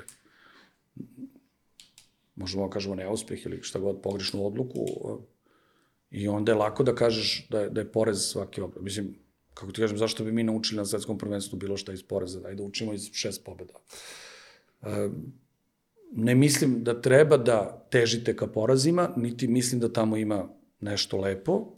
Mislim da u tim traumama poraza ima mnogo tuge i u tom smislu treba izbjegavati poraze i ostaju za ceo život i vodite računa da nemate poreze. Mislim, poraze. Šta ste učio iz tih poraza koje si imao, grešaka, Pa evo, padova? ta, ta moja trauma iz, iz, iz iz tog poraza koji se zove jedna, druga, treća firma je bila ta da sam ja onda rekao, ajde, pošto te firme relativno često padaju, da ajde napravim mnogo firmi. I da imam mnogo partnera, pa ću u moru partnera neki biti dobri, Ali neki nije bila trauma da si ti rekao, ok, sad sam se opekao na partnerstvo ili to nije uspjelo, sad ja neću više da radim e, pa dobro, razumem da ljudi mogu da imaju dve logike. Jedni ljudi mogu da kažu, sad neću, neću da imam, pa, a neki mogu da kažu ovako kao što sam ja rekao. Sad, eto, opet ti kažem, od izvora dva putića vode na neku stranu. I sad krenuo si da crtaš teoriju partnerstava. Ne, nisam, ne znam, počeo sam da crtam nešto drugo, ali... Kako birati partnera, to je zanimljiva stvar koju si mi objašnjavao. Šta treba to da se poklopi da bi to partnerstvo bilo valjano? Pa, treba se poklope, poklope zvezde, ja. Eto da, to kad sam se bavio horoskopima mogu da ti kažem. I time si se bavio? Pa da, to je ono kad sam se, posle Pakoma sam, ne, pre Pakoma sam zapravo se bavio tim audio tekst servisima i puno sam se bavio horoskopima i mogu da ti kažem da li mi mislim da je to iznad koincidencije. Znaš, kako, zanimljive teme, pa je možda zanimljiva ovako jedna egzotična tema za ovaj podcast, uvek sam se pitao da li je moguće dokazati da je horoskop iznad koincidencije ili iznad niza slučajnih događaja. I nekako ne mogu da se zakunem da sam ikad to video svojim očima, ali ono što sigurno mogu da ti kažem to je da je više od entertainmenta.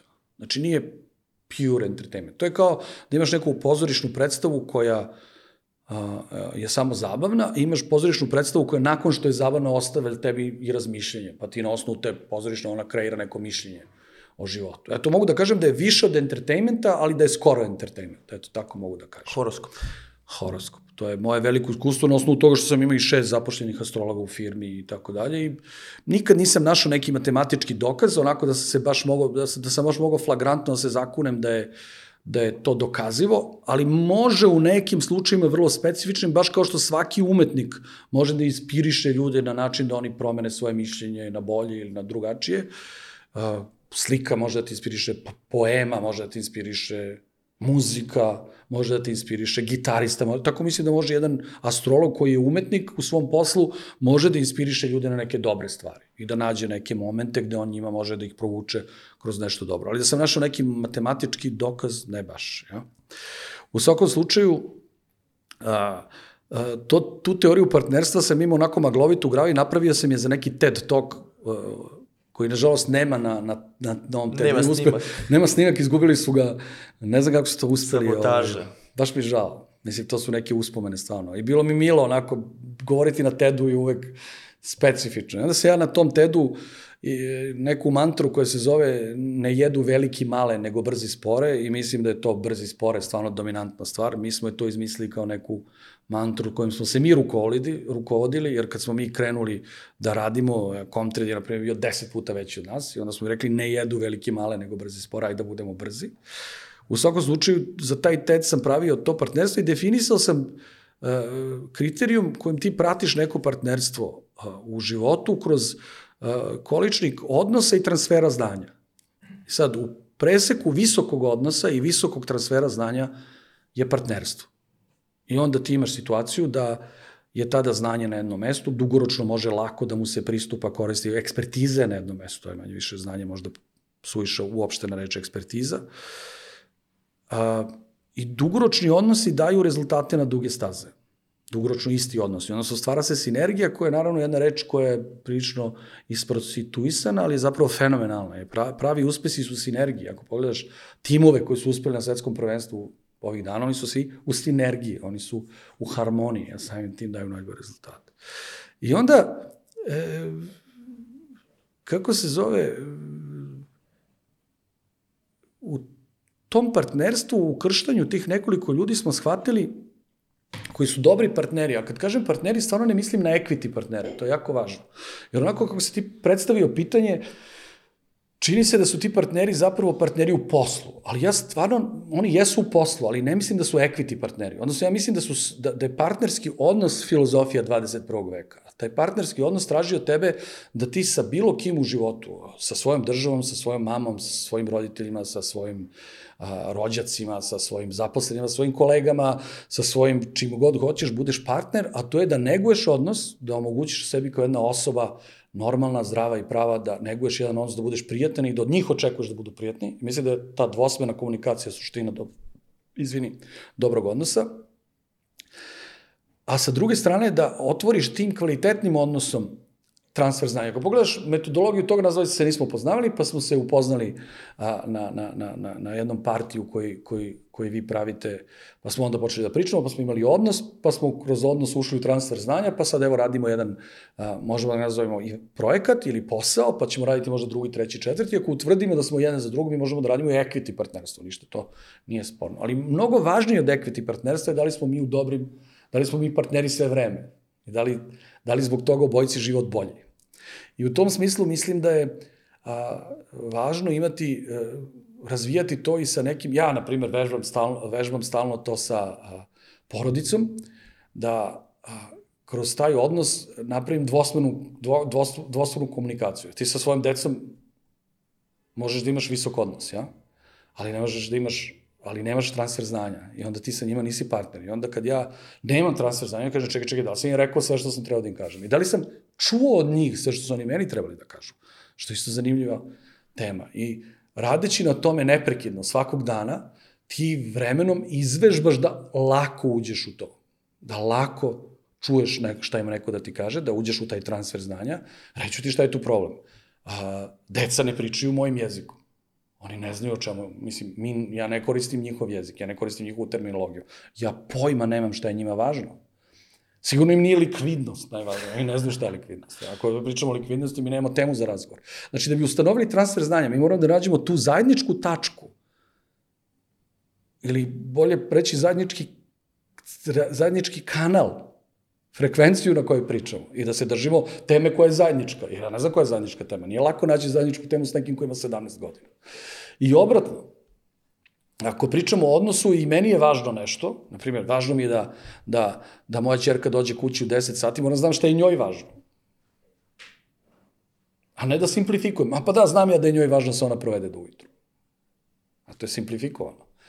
I sad ako ti pričaš dovoljno dugo o tome, ti možeš da napraviš odnos koji možda prouzrokuje kompromis ili ne kompromis, šta god. Ako su ti tvoji argumenti upravi, ti kaže, evo, ja se plašim da će nešto da ti se desi ili koje da su razli da roditelji zabranjuju deci da ostaju do kasno, ti možeš da dođeš do toga da si stvarno u pravu, pa je da to ona posluša, ili da nisi u pravu, pa da to ona ne posluša. Ali tako se neguje partnerski odnos. Ovo sam namjerno dao da, da, da, da, da pokažem da nije samo to, mislim, mogu ja to tebi da simplifikujem kroz nemoj da se pitaš šta država može da učini za tebe, nego šta ti može da učini za drvu, državu, ali sve su to pokušaj da ti izgradiš dve stvari, odnos sa nekim i, i, i partnerstvo. I na kraju, ako pričamo o firmi koja je najvažniji, i na kraju kraja zovu se biznis priče, pa je najlogičnije da bude tema biznis, mislim da treba sa svakim da budeš partner. Ti treba da budeš partner sa bankom, treba da budeš partner sa svakim s kim imaš pogotovo ozbiljnu saradnju. Znači da s bankom neguješ odnos, da ona tebe razume, ali i ti nju da razumeš. Ja kad već, većina našeg odnosa bih rekao da smo previše ot, otišli u konzumerizam koji pojednostavljuju ovoj teorniji partnerstva. Ti površan odnos i površan transfer znanja ti je kad se ti ljutiš isključivo na svoju banku zato što si rekao ja sam platio 100 dinara proviziju, vi meni niste dali dobru uslugu. I to jeste, o, i to jeste i odnos i transfer znanja, ali površan. I u tom segmentu, u tom kvadratu vi niste partneri. I ako ti samo ljutiš na banku, a ona tebe samo ignoriše, i ako ti njoj samo malo plaćaš, a ona sebi, tebi samo malo ne isporučuje ništa, vi niste u partnerskom odnosu.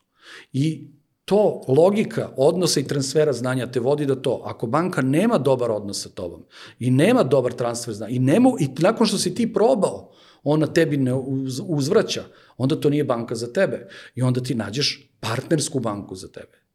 I među 25 banaka ima banka koja je za tebe, iz kojom ti možeš, ili devojka, ili kogod hoćeš. Znači, da li možeš da imaš odnos, da li možeš da imaš transfer znanja. I ako uspostaviš ta dva, onda je to i dobar partner za tebe. I ja mislim, vraću, ako me pitaš za unazad, mislim da kad sam bio mlad nisam dovoljno razmišljao o odnosu i nisam dovoljno razmišljao o transferu znanja.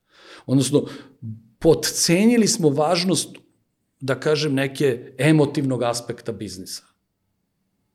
Podrazumevajući samo da je uspeh dovoljno velika stvar da ćemo svi da se okupimo oko tog, oko te baklje koja će da gori da nas greje, da će uspeh i eventualno a, materijalni uspeh, finanski uspeh, da, da ćemo svi da se grejemo. Tako. I to, je, to nikad niko nije izgovorio, ali to nekako se podrazumevalo. Sad, ako upališ uspeh i on greje novcem okolo, onda se mi svi grejemo i onda smo mi jedna srećna porodica. Nije se tako. A da je neki primjer uspešnog partnerstava iz okoline, naveo si Vesu i tvoj kuma, Pa evo ti, mislim, ako hoćeš tako da, ne, oni su, oni su, oni nisu partneri, jer da su pričali ozbiljno, Vesa bi, ovaj Đera bi ostao u firmu, firmi, pa bi možda bili dan danas partneri. On je a, bio direktor a, ili predsednik kompanije, pa je onda posle toga otišao u jednu drugu, treću, četvrtu i sad se bavi neki drugi stvarima. A, mislim da je, ako baš hoćeš takav lak primer, to ti je primer, kako se zove, evo ti, ako gledaš Comtred, evo banka i oni su dobar primer, ja, oni su Lepo, oni su partneri, očigledno se razumeju, očigledno imaju transfer znanja, čim rade toliko dugo zajedno. Znači, taj partner, da ne simplifikujemo, on nije equity partner, u DO ima dva partnera, jedan ima 58%, drugi ima 42%, nego što bi ti rekao više filozofija. A to je, mislim da je, da je bolji primer toga da, da unutar, unutar porodice možda budeš partner sa roditeljima ili partner sa decom ili partner sa bračnim partnerom, jer glup brak je onaj koji ne može da napreduje, a ako ti taj partner bračni nije partner, u smislu nemaš odnos i nemaš transfer znanja, nego se on ljuti zašto ti gledaš utakmicu koja je tebi jako važna, onda vi nemate dobar odnos, je tako? A još gore što nemate dobar odnos, ti ne znaš uzroke koji su doveli do toga da ta osoba misli da ti za Boga miloga ne bi trebao 90 minuta da gledaš utakmicu, iako to tebi važno. I ako ti dođeš, ako ti zaroniš duboko unutra i kažeš, ok, kaži mi koji su razlozi koji te teraju da radiš tako, ti ćeš saznati nešto o toj osobi. Možda su ti razlozi ispravni, ali najčešće mi ne idemo duboko u taj odnos. Nego, ako neko radi nešto što ti ne odgovara, ti kažeš, pa to meni ne odgovara i ti uđeš u konflikt. Ali daj da čujemo razloge, daj da čujemo argumente. Pa ako stvarno nema argumenta, onda ta osoba ne valja. Ali ako ima argumente, onda možeš da ih čuješ. Ono što savjetuješ baš mlade, kad smo već kod partnerstava, dolazimo i do mentorstava. Rekao si, mladi, ok, prednosti su te, ali treba da imate mentora starijeg, pa da objasniš to. To si rekao mnogo puta. Kaže, vi mladi, samo vam treba mentor stariji. Pa, mislim, stari, stari, sad smo zaključili da ste vi pametni, pa treba kažem, nije stari i pametni, nego je samo stariji. Pa zato što mislim da nije samo napad. Ja, ako ti gledaš, iako ne sporim da, da je ovo bilo super što smo probali da igramo samo napad na svetskom prvenstvu. I bilo je fenomenalno. Jer čak i da, da je neko postavljao algoritam veštačke inteligencije, ja mislim da bi postavila ovakvu igru. Jer ja bih rekao, pa da, zar nije najlogičnije?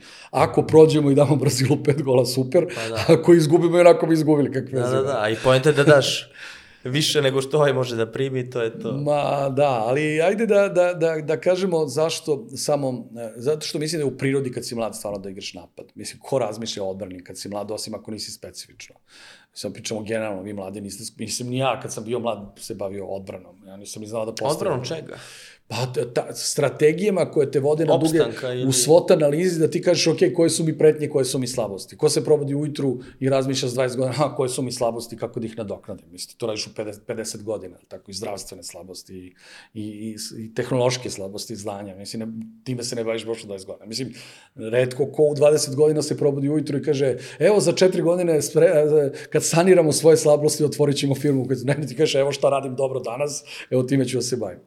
Tako da, pre svega možemo da vas naučimo odbrani. Mislim da opet stariji partner u firmi gde ima tri mlada, genijalna tipa i jedan koji nije, i nego je stariji, on može da igra odbranu, može da kaže, ok, koje su nam pretnje, da bude oprezniji, da radi stvari na vreme, zna, proaktivno, u pravom smisli reči proaktivnosti, to je da predviđa probleme i da ih rešava unapred, može da, da, da vidi, da predvidi šta će da bude problem, uključujući emocije.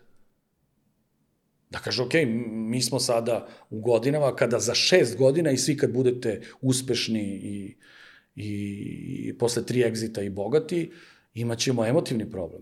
Emancipacija je, nije samo snaga, ona i, kako da kažem, slabost. Ako ti kaže da emancipacija osloboditi se tugog mišljenja. Sad ti slušaš nekog ortaka u firmi, programera četiri godine i pete godine kažeš, ma četiri godine te slušam, ja, i da si u pravu muka mi je više, to je emancipacija, sad ti hoćeš da imaš oslobođen si tuđeg mišljenja, pa hoćeš svoje pa makar i pogrešno. Tako da recimo taj napad, uh, odbrana može da bude zanimljiv, zanimljiv, uh, zanimljiva strategija. Ali opet to partnerstvo, ajmo sad imamo mentora tu u timu, stavio si neki tim, opet mora da postoji taj odnos i davanja znanja i odnosa da bi to mentorstvo uspjelo, ali tako? Pa da, mislim da treba da postoji da dvostruki kanal i mislim da treba postoji još jedna zanimljiva stvar, a to je da, da, da, plan na duge staze. Plan na duge staze. To je 10, 15, 20 godina. Mislim, neće sve stvari da se dese posle 2-3 godine i nisu čak ni jasne posle nekoliko godina. Iako se na početku čine da su jasne. Opet kažem, suočeni smo sa situacijom da ako pogledaš oko sebe jako malo transfera imamo uh, znanja sa jedne na drugu generaciju, pogotovo unazad. Ja mislim da je to stvar kojom vi treba da se bavite, jer dokazano stari nikad to nisu dobro. Ali ovi stariji pre mene nisu nešto dobro uradili. Pa da, ali su- evo, bavimo, bavimo se time, evo. Ti sad pričaš, mladi slušaju, ali pre toga smo imali to da nećeš da se eksponiraš, preduzetnici, pa što bismo se eksponirali, što bismo dijelili znanje, ostaje ona trauma iz 90-ih, ono, čuti da te neko ne vidi, i onda gdje je tu transfer znanja nigde? Mm, Eto vidiš, divno, divno si to rekao zato što to otvara glavnu temu partnerstava, to je definisali smo da je najveći problem u partnerstvu jezik.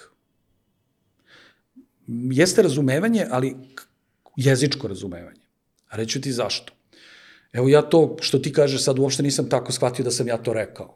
Da imam ja traume iz 90-ih, ne eksponira se, mislim, daleko od toga. Mislim da smo se mi eksponirali, stalno smo pričali više nego sada, samo što je to tad bilo javno s nekim mikrofonima i tako dalje. Bili smo vrlo transparentni, stalno pravili neke ja- javne PR akcije. Baš je to bilo sve javno i, i delili smo znanje. I nije to bilo Ali evo vidiš ti, ti si sad mislio da nije tako i da, ja, da sam ja rekao drugo. I divno je da ne kažem... generalno ti, ali ta, ta generacija, to Evo, što, divno- što si rekao, divno- mentora, ljudi koji bi trebalo da dijele to znanje, kod nas nema. Ti uzmi sad, ne znam, da top listu najbogatijih ljudi u svetu, samo su po fakultetima, tribinama, od Warrena Buffetta, Billa Gatesa, dijele znanje, uzmi sad opet IT. kod pa nas. IT je specifičan. Pa Warren Buffett nije baš u IT-u. Pa da, da, zašto se druži sa Gatesom? Ne znam, Pa da, da, čovjek u tu priču. Ja. Ali čak i ovi ostali, od alumnija do fakulteta, ajmo da pričamo o tome. Kod nas uzmi listu i to ti ono, idemo inkognito, do duše mi imamo i druge, druge probleme, ali Pa ja imaš i ljude koji prosto nisu... Nemaju ništa da kažu, pa ima i Ne, to. imaju šta da kažu, ali eto, mi iz IT smo malo transparentni, to slažem. Evo, na primjer, znam da, da Mladen Grujić govori deci ekonomskih fakulteta jako puno, a, a, redko je u ovakvim IT, zato što prosto čovjek nije iz IT-a, nego iz drugih poslova, ali divno govori deci iz drugih oblasti i bavi se njima i mentorstvom i, i, i da kažem tim govorima. Ali da se vratim na jezik, molim te. Jezik je možda najvažnija stvar kojom vi možete da se bavite zajedno te dve generacije vaša i naša možda se bavi sledećih 20 godina. Jer ako ti pogledaš, jezik se zadnji razvio od naših sposobnosti. Nevezano, naravno, što nas jezik čini drugačijim od svih drugih vrsta koje postoje na planeti, ali kao zadnji koji se javio, on je najnesavršeniji. I problem toga da mi ne govorimo istim jezikom u pravom smislu te reči i da ti u stvari, da ono što sam ja sve danas rekao, koliko god želao da iskaže moju emociju po pitanju mm, firmi, događaja, razvoja i tako dalje, zapravo ne odražava, narativ ne odražava šta se stvarno desilo, iako ja želim to da artikulišem na način koji kažem, je problem izražavanja. Pogotovo kod ljudi koji se, evo ja se ne izražavam baš idealno, ali sigurno postoji neko ko se još gore izražava od mene. I ta osoba želi da kaže, ali nju niko ne razume. I sad, rad na tome da se mi unutar jednog jezika razumemo je, ja mislim, suština održavanja kvaliteta partnerstva. Sad kad bi je bio treći partner u firmi koja se zove Biznis Priča, ja bih rekao, ajde unutar naše organizacije mi radimo na razumevanju. Daću ti primjer. Ako ti kažeš a, a, da je ova kafa vruća ili da je ova pita vruća koju ćemo upravo da jedemo, jel ti misliš nemoj da je jedeš jer je vruća ili počni odmah da je jedeš jer je vruća? Sad zamisli, ako tako banalan primer sa vruća ti je pita zapravo ne odražava šta ti želiš da ja uradim posle toga, jer to pretnja da je pita vruća ili obećanje da je pita vruća pa ću propustiti idealan slučaj da je pojedem brzo, ti dođeš u situaciju da tako dnevno u firmi sa 200 zaposlenih, 100 zaposlenih, 1000 zaposlenih programera unutar suptilne neke situacije niko nikog ništa ne razume. Naravno da se u moru događaja to na kraju dovede u nekom fanelu do nekog rezultata, ali unutar toga je sve moglo da bude 50 puta efikasnije, jer se niko ništa ne razume. I mi previše mnogo ulažemo u tehnologiju, mislim da nam je to bila neka tema s kojom smo se šalili malo pre. Previše malo ulažemo u tehnologiju, premalo malo, kad kažemo ljude, mislim u jezik, u razumevanje. Komunikaciju. Srazmeno, plašim se kad kažeš komunikaciju, nekako nije dovoljno jasno. Jednostavan jezik, znači da mi, ako ti kažeš proaktivno, da ti znaš, na, mislim, kad mi kažemo proaktivno ti ja, na šta mislimo? Ja, na primjer, kad kažem proaktivno, ja mislim da predvidimo probleme i unapred ih rašimo. Možda neko misli da proaktivno znači nešto drugo. Ili kad ti kažeš te tipične čudne reči, dubioza, proaktivno, ne znam, čudne reči, to, ti, ti pričaš o tome, ali čak i ljudi koji ne znaju šta si hteo da kažeš, te zapravo ne pitaju, stani, stani, ej, kaži mi šta si stvarno mislio. Nego prosto pređu preko toga. Sad, unutar toga da mi gledamo podcast ili film ili ne, pozorišnu predstavu, ok, prešao sam preko toga šta ima veze. Mislim, razumeću suštinu. Ali unutar dnevnog razumevanja, ja mislim da mi moramo da se razumemo 100%. I mislim da je jezik sledeća velika stvar na kojoj svi moramo da radimo. Mi u većini firmi radimo tako što u 8 ujutru imamo taj a, kolegijum ili zbor radnih ljudi, što bi rekli a, ovaj, a, još stariji od mene, i onda se mi razumemo godinama. I kad se razumemo godinama, na kraju smo se ovaj, Uh, imaš tu da svim kažem, firmama ili... Up, izvini, uplašili smo se kad smo videli koliko se ne razumemo posle 10 godina. Kaži. Jel to imaš u svim firmama ili... Pa ne, negde je to problem zbog smena, negde je problem zbog malog tima koji tvrdi da se relativno često saste, pa ne mora baš svako jutro. Ima različitih situacija. Ja volim to, ali, kako ti kažem, ne pitam se ja. ja Ali ajde da, da vidimo koji su to timovi, ima tu još zanimljivih i, i biznisa. Šta si radio posle izlaska iz Pakoma?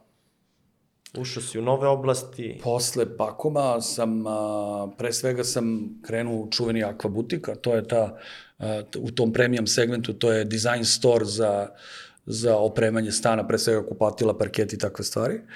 A, nama je misija tada bila da demokratizujemo pristup estetici. Jer ti tada nisi imao praktično dizajn u stanovanju pred 15 godina. Mislim, i sama arhitekta nije bila česta pojava, ljudi su sami radili stvari. Što, kako ti kažem, često govori arhitektura starija od 20 godina oko nas. Mislim, sad su arhitekte i mnoga druga zanimanja mnogo popularniji nego što su bili pre 20 godina. Tako da je taj, misija nam je bila da demokratizujemo uh, taj pristup, mislim da smo puno uradili na tome, mislim da smo sto, sa stotinama arhitekata i hiljada kupaca promenili, sigurno Premium doprinjali. segment, Pa on je u premium segmentu, to je onaj design store, to je onaj gornji segment. Ja. Najskuplji. Onda sam radio Lacoste, uh, praktično još i dok sam bio uh, pred kraj Pakoma ili već se i ne sećam da li je to bilo, da li se preklapalo, pa sam onda radio i taj Lacoste. Lacoste je isto premium segment. a šta si radio? Uvoz ili... Da, imali smo te prodavnice i prodavali, pa to, mislim, kako ti kažem, to nije specijalno zanimljivo. Mislim, to je više statistika, uh, onako kad bih nešto izvukao iz tog vremena, da smo nešto pametno spoznali, spoznali smo, na primjer, da, da prilikom konverzije treba voditi računa o tome koji su zapravo uzroci koji su doveli do konverzije. I onda smo recimo pratići, ti imaš u tom retail, u tom u industriji, u retail industriji imaš e, mitove, tipa ne ide dobro posao kad pada kiša ili zavisi od toga da li je, ne znam, slava ili šta ja znam, tako mito i onda smo mi merili, pa, godinama smo merili te parametre i recimo zaključili smo da je jedini, e, i tada smo koristili business intelligence, koristili smo OLAP uh, Microsoftov i dan danas koristimo u, ve, u većini firmi business intelligence uh, Microsoftov. Uh, zaključili smo da jedina stvar koja suštinski utiče na konverziju u prodaji je broj proba. I ako ti napraviš funnel, što biste vi rekli, koji će odvesti ljude u kabinu, onda će broj proba da bude, e, broj proba će biti direktno proporcionalan broju prodaja. I eto, to smo zaključili, recimo, bavit će se nekoliko godina. I, i, Ali tržište je malo, pa smo... e, to Batalili. isto- Pa da, nije bilo sreće u tome. Lako Baš je malo opstao, tržište. ali ako butik funkcioniše... On radi dan danas, to je, re, pazi, redke su firme, e, u Srbiji je prosječan vek firme 7 godina. Znači sve preko 7 godina je već redko. ja. Tako da, a, A otkud sad tu pričamo o preradi otpada, ekologiji, imaš fabriku za to? pa ne, tu, tu su, tu, rekao sam ti četiri vertikale. I ja sam razmišljao šta će da bude sledećih 30 godina, 20 godina. Ja sam razmišljao, ok, koliko ja imam, ja sam tad imao 40 i nešto, ja sam rekao, ok, mogu da budem eventualno do penzije 20 i ajde radim još 5-6-7 godina posle toga, možda dok me zdravlje služi, to je možda 30 godina maksimalno. I onda šta, šta će da bude sledećih 30 godina? I ti onda imaš taj sustainable model a, koji je bio jasan da mora da se desi, kao što trošiš resurse u nedogled, hrana je potrebna, premium će uvek da radi i evo sad vidiš da je premium dominantan dominantan segment u, biznisu, malte ne, svima je u, u premiumu svim industrijama praktično žive od premijuma, a volumen je u, u, u entry. A šta radi, šta radi ona fabrika velika u Nišu za preradu E, otpada? Počeli smo zapravo, e, krenuli smo tamo 2008. 9. sa plastikom, e, sada e, prerađujemo elektronski otpad i različite te druge stvari koje idu uz to i to je onako, to je, ima, to je velika organizacija, velika velika je i firma i komplikovana je i treba tehnologija, mislim kako ti kažem, trebalo nam 10-12 godina da uđemo u tehnologiju. Meni su tradicionalno iz mog života najzanimljiviji internet servisi, jer to je ono, ja nekako mislim da sam, meni je najlepša firma koju sam napravio 2006. godine, content management firma, na nju sam strašno ponosan. Pokazivao si mi onaj plan baš za, za mreže. Jest. I stvarno mi je žao što to nije uspelo do... Zašto Mislim- to nije uspelo? Pa nije uspelo, Milena koja je sad u Crnoj Gori biznis uh, direktor uh, firme koja se zove Abago, ako se ne varam, to su, ne znam da ih poznaješ, Poznato mi je nešto. Abago, ali zapravo oni imaju jednu drugu firmu koja se bavi nečim drugim. Treba bi da znam kako se zove, ali sam zaboravio. U Podgorici živi sad, ona je bila uh, o, o, nas dvoje smo izašli iz, iz pakoma kao ono, kao Tom Cruise, onu Jerry Maguire, ono, samo je ona krenula za mnom, onako, niko iz pakoma nije krenuo. I ona je bila veliki direktor, ali je, nekako se u tom delu nismo slagali. Ona nije verovala u kontent, ja nisam imao vremena, jer praktično uh, sam morao da se bavim samo akvabutikom u tom trenutku. Uh, I onda je ona razvijala sve te spin-offove od kontenta. Jer mi smo se bavili kontentom na nivou prepoznavanja nekih područja, a onda ona kad vidi dobar kontent, ona uđe u njega kao u nišu i onda spin-offuje to i razvije dobru firmu. I tako je nastala Aero Gaga, uh, stetoskop je nastao drugačije, to je E to ja ne mogu ni da, da, da pobrojim sve Onda, ono projekte i firme u kojima si ti tu iz stetoskopa. Od koji, uz, koji sam, uz kojima sam neuspešno učestvovao. Ne, ne, pa Pita me neko kako uspeš, pa ne uspevam. To, to je filozofija, stetoskop, ajde sad. Naveo ove niše, gde je tu stetoskop? Stetoskop, to treba da zoveš Milicu, da ti ona, ona ti je sad velika uh, i zvezda te industrije i vrlo uspešan direktor u toj oblasti. Mislim da, mislim, potpuno je fascinantno dok, dokle ona dovela stetoskop. Uh, mislim, to, ja ne znam ni koliko je poznato javno, stetoskop ima 3 miliona poseta mesečno ili 100.000 dnevno. Što je prosto neverovatno. Znači, ima, Za sve bolesti ste prvi. Pa ne znam daleko bilo, nego, nego mislim, kad ti pogledaš da ona ima recimo 70% poseta iz Srbije, to je 2 miliona, to, i 50% je retain, ovaj, kako se zove, retention, a, ti vidiš da je To znači da su svi Srbi bili na stetoskopu za 12 meseci. Ja kad Bog pita neko koji je njen market share, ja kažem 100%. Kaže kako 100%? Pa rekao 100%, kako 100%? Evo ti milion i po ljudi put 12 meseci, svi su Srbi bili po dva puta, jel tako? A, A šta, Na- si- šta si ti tu? 50%. Šta si tu, partner? Ja, e, to je nastalo još u vreme Pakoma i tad smo mi počeli da spin-offujemo te, e, odnosno ideja je bila da iz firme koje zove Pakom Internet, koje, koje sam ja osnovao i, i vodio, da pravimo, da pravimo a, razne tada se to nije zvalo start-upove, nego se zvalo, ne znam, firme, preduzeća, da pravimo u različitim oblastima kako bi imali taj portfolio nečega što verujemo da možda napreduje, što nije glupo. I to nam je bila metodologija rada. Kad je stetoskop u pitanju, to, to je e, bilo još u vreme Pakoma i, i, i prvo smo, e, bilo je tu nekoliko partnera a, u tom poslu, na kraju sam ostao samo ja i u jednom trenutku je a, sticam, čak dobro kad se me podsjetio, kad pominjamo Vesu ceo dan, sticam okolnosti, ovaj, zapravo sam u jednom trenutku i njega zvao čak u taj posao. I da ja i oni Đaković smo se dogovorili kao da radimo. Ne znam kako je to u stvari se nije desilo. U svakom slučaju desilo se tako da je Milica upala umesto Vese, kad već pričamo na taj način. A, I on nešto nije, da li je on hteo, ili se šalio ili nije hteo, ne sećam se. Znam da smo se sreli na moru, da sam ja to smatrao dobrom idejom. E, završilo se time što je Milica zapravo preuzela stetoskop, a, Đaković je tu zbog svog bavljenja svojim poslom mnogo manje e, i nekako učestvovao i nekako mu ima on to zanimljivije projekte od tih. Meni je to tradicionalno bila zanimljiva oblast. Mi smo to u početku verovali da će biti second hand, second hand, second opinion. a to je bile potrebe da unutar, da unutar nedomicilne geografske lokacije, znači da ako si ti otišao u Novu Gvineju, pa ne govoriš ni lokalni jezik, ni možda francuski koji je u French Gvineji, recimo, oficijalni, imaš neki lokalni, kako ćeš da komuniciraš? I onda smo rekli, zar ne bi logično bilo da Turci u Nemačkoj imaju mogućnost da da Turci u Nemačkoj imaju mogućnost da pitaju nešto na svom maternjem jeziku. Ta nije postojao translate. Nisi mogu da znaš. Sad, ako ti odeš kod lekara specijaliste u Tursku i naplatiš 1000 evra to da si bio osiguranju kod specijaliste u Nemačkoj i izgubiš pola vremena ili duplo više vremena zato što ne razumeš jezik, šta on tebe pita i šta ti njemu kažeš, ili zbog toga tri puta dođeš, troškovi lečenja će biti mnogo veći nego obično. Plus, i time se bavimo i dan danas u stetoskopu. Lekar će da izgubi vreme. I onda smo mi rekli, zar nije najveća stvar, vrednost koja može da se da lekaru? Vreme. I Milica se zapravo, ako mene pitaš, ona možda kaže čime god da se bavi, ali ona se bavi zapravo time da lekarima štedi vreme.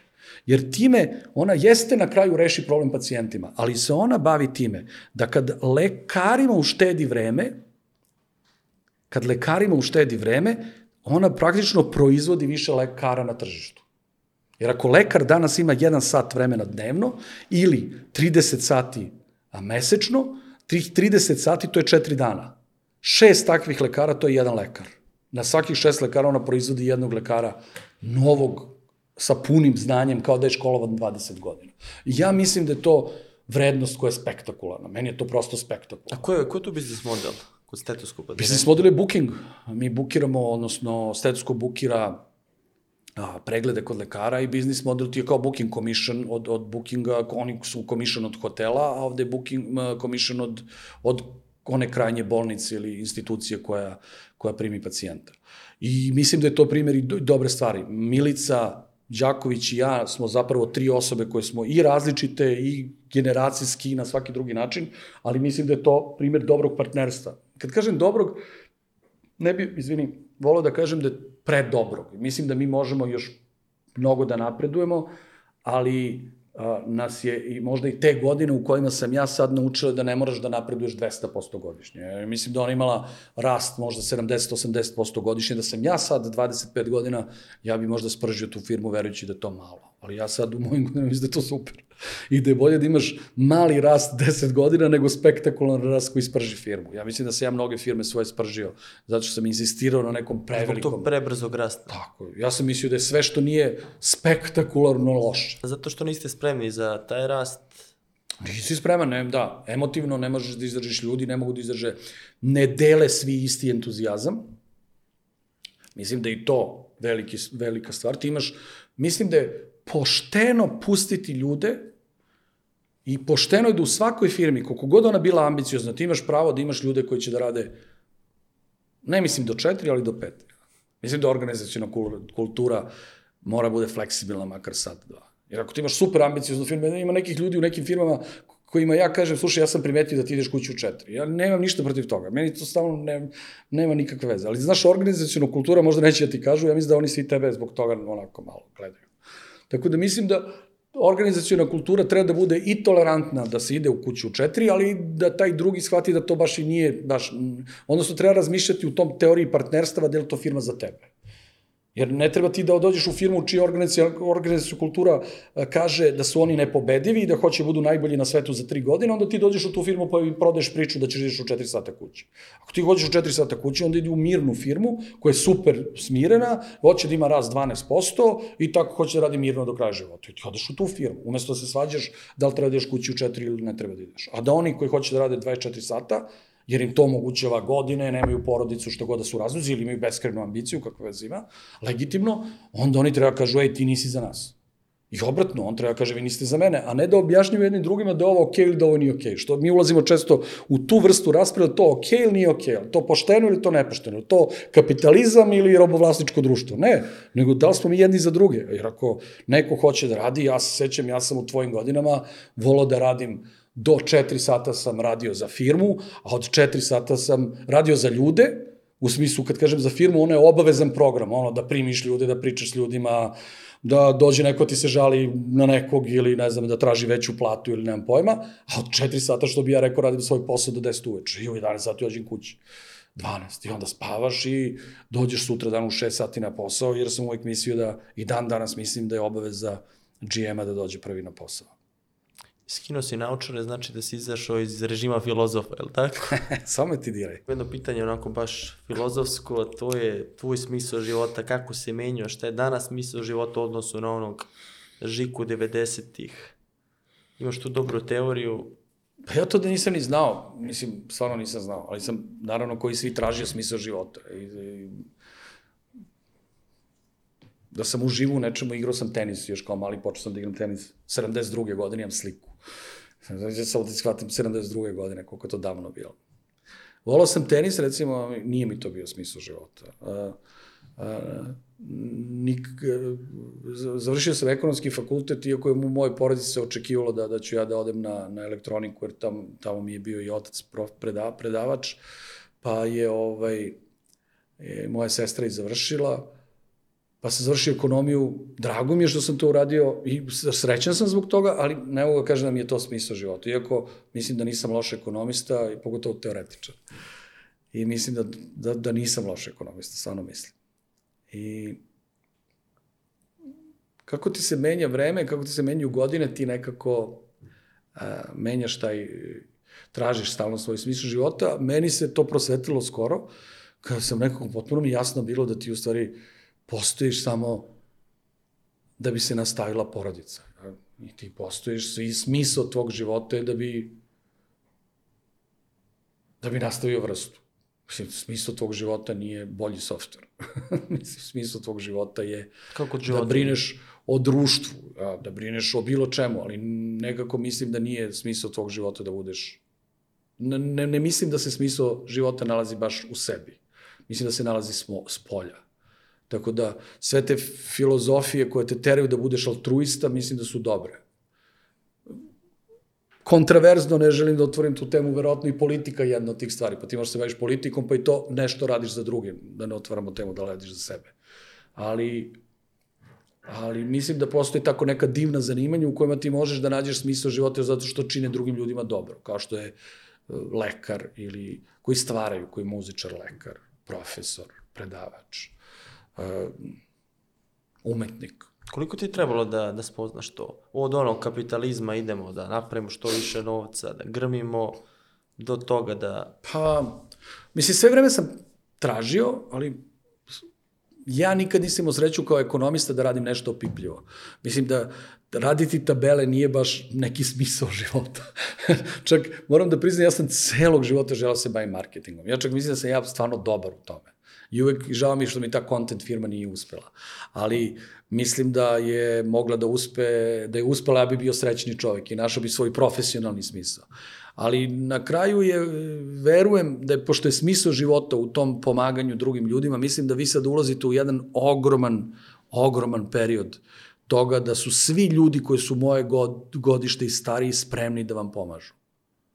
I da svako hoće da prenese znanje. Jer mislim da svako hoće na neki način da opravda svoje postojanje. Što sigurno nije trošenje para. Zato što te to ne čini konačno srećnim. Jer ti možeš da kakvo god trošenje para u životu, a mislim dovoljno si velik da to znaš, možda učini srećnim jedan, dva dana, tri dana. Mislim, sve, čak i nov auto te čini srećnim deset dana ili mesec dana. Tako da mislim da mi sada, moja generacija, ulazimo u jedan veliki deo potrebe da prenesemo znanje na vas. Mislim da je to prilika za vas da razumete da, da, da, da mi to hoćemo. Mislim da je i vaš taj Steve Jobs, koga volite da slušate, rekao da je traženje pomoći superpower i u tom smislu ohrabrujem vas da tražite pomoć. Naravno da se ohrabrujem da vam partnerski odnos o kome smo danas pričali budu banke, jer bez banaka, ja da nisam imao bankari za sebe, ja ne bi uspeo. Nekoliko puta nije, nije to bilo tako baš by the book, pa sam ja pitao bankare pred svedocima, zašto vi nama a, pomažete kad to formula ne pokazuje. A oni su rekli, pa zato što ne radimo sa, sa firmama, nego sa ljudima. Tako da ti moraš da neguješ taj odnos. Ali isto tako mislim kao što smo mi bili u situaciji nekad da nam samo banke pomažu, jer nema niko drugi, pošto roditelji ne mogu, ili ne pomažu, pa si mrtav, tako mislim da vi sad imate mnogo više. Ajde što imate globalne fondove, nego imate... Pa kad si spomenuo banke, baš imaš dobar primer kako si sa tvojim bankarom, kako si stupio u odnos, kad si branio da tvoji zaposleni rade sa tom bankom. A, si se toga setio? Anegdota kaže da pita mene Ljubiša Jovanović, generalni, mislim, direktor AIK banke, kaže meni, a zašto ti, Vladimire, je li istina da ti ne daš da ni jedna, ovaj, da ni jedan račun bude otvoren u AIK banci? Ja kažem, istina je.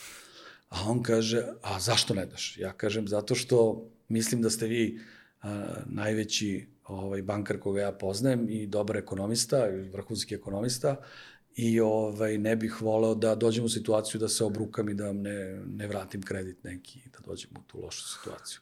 A on kaže, to ti je greška, jer da si radio sa mnom ne bi ni došao u situaciju da se obrukaš.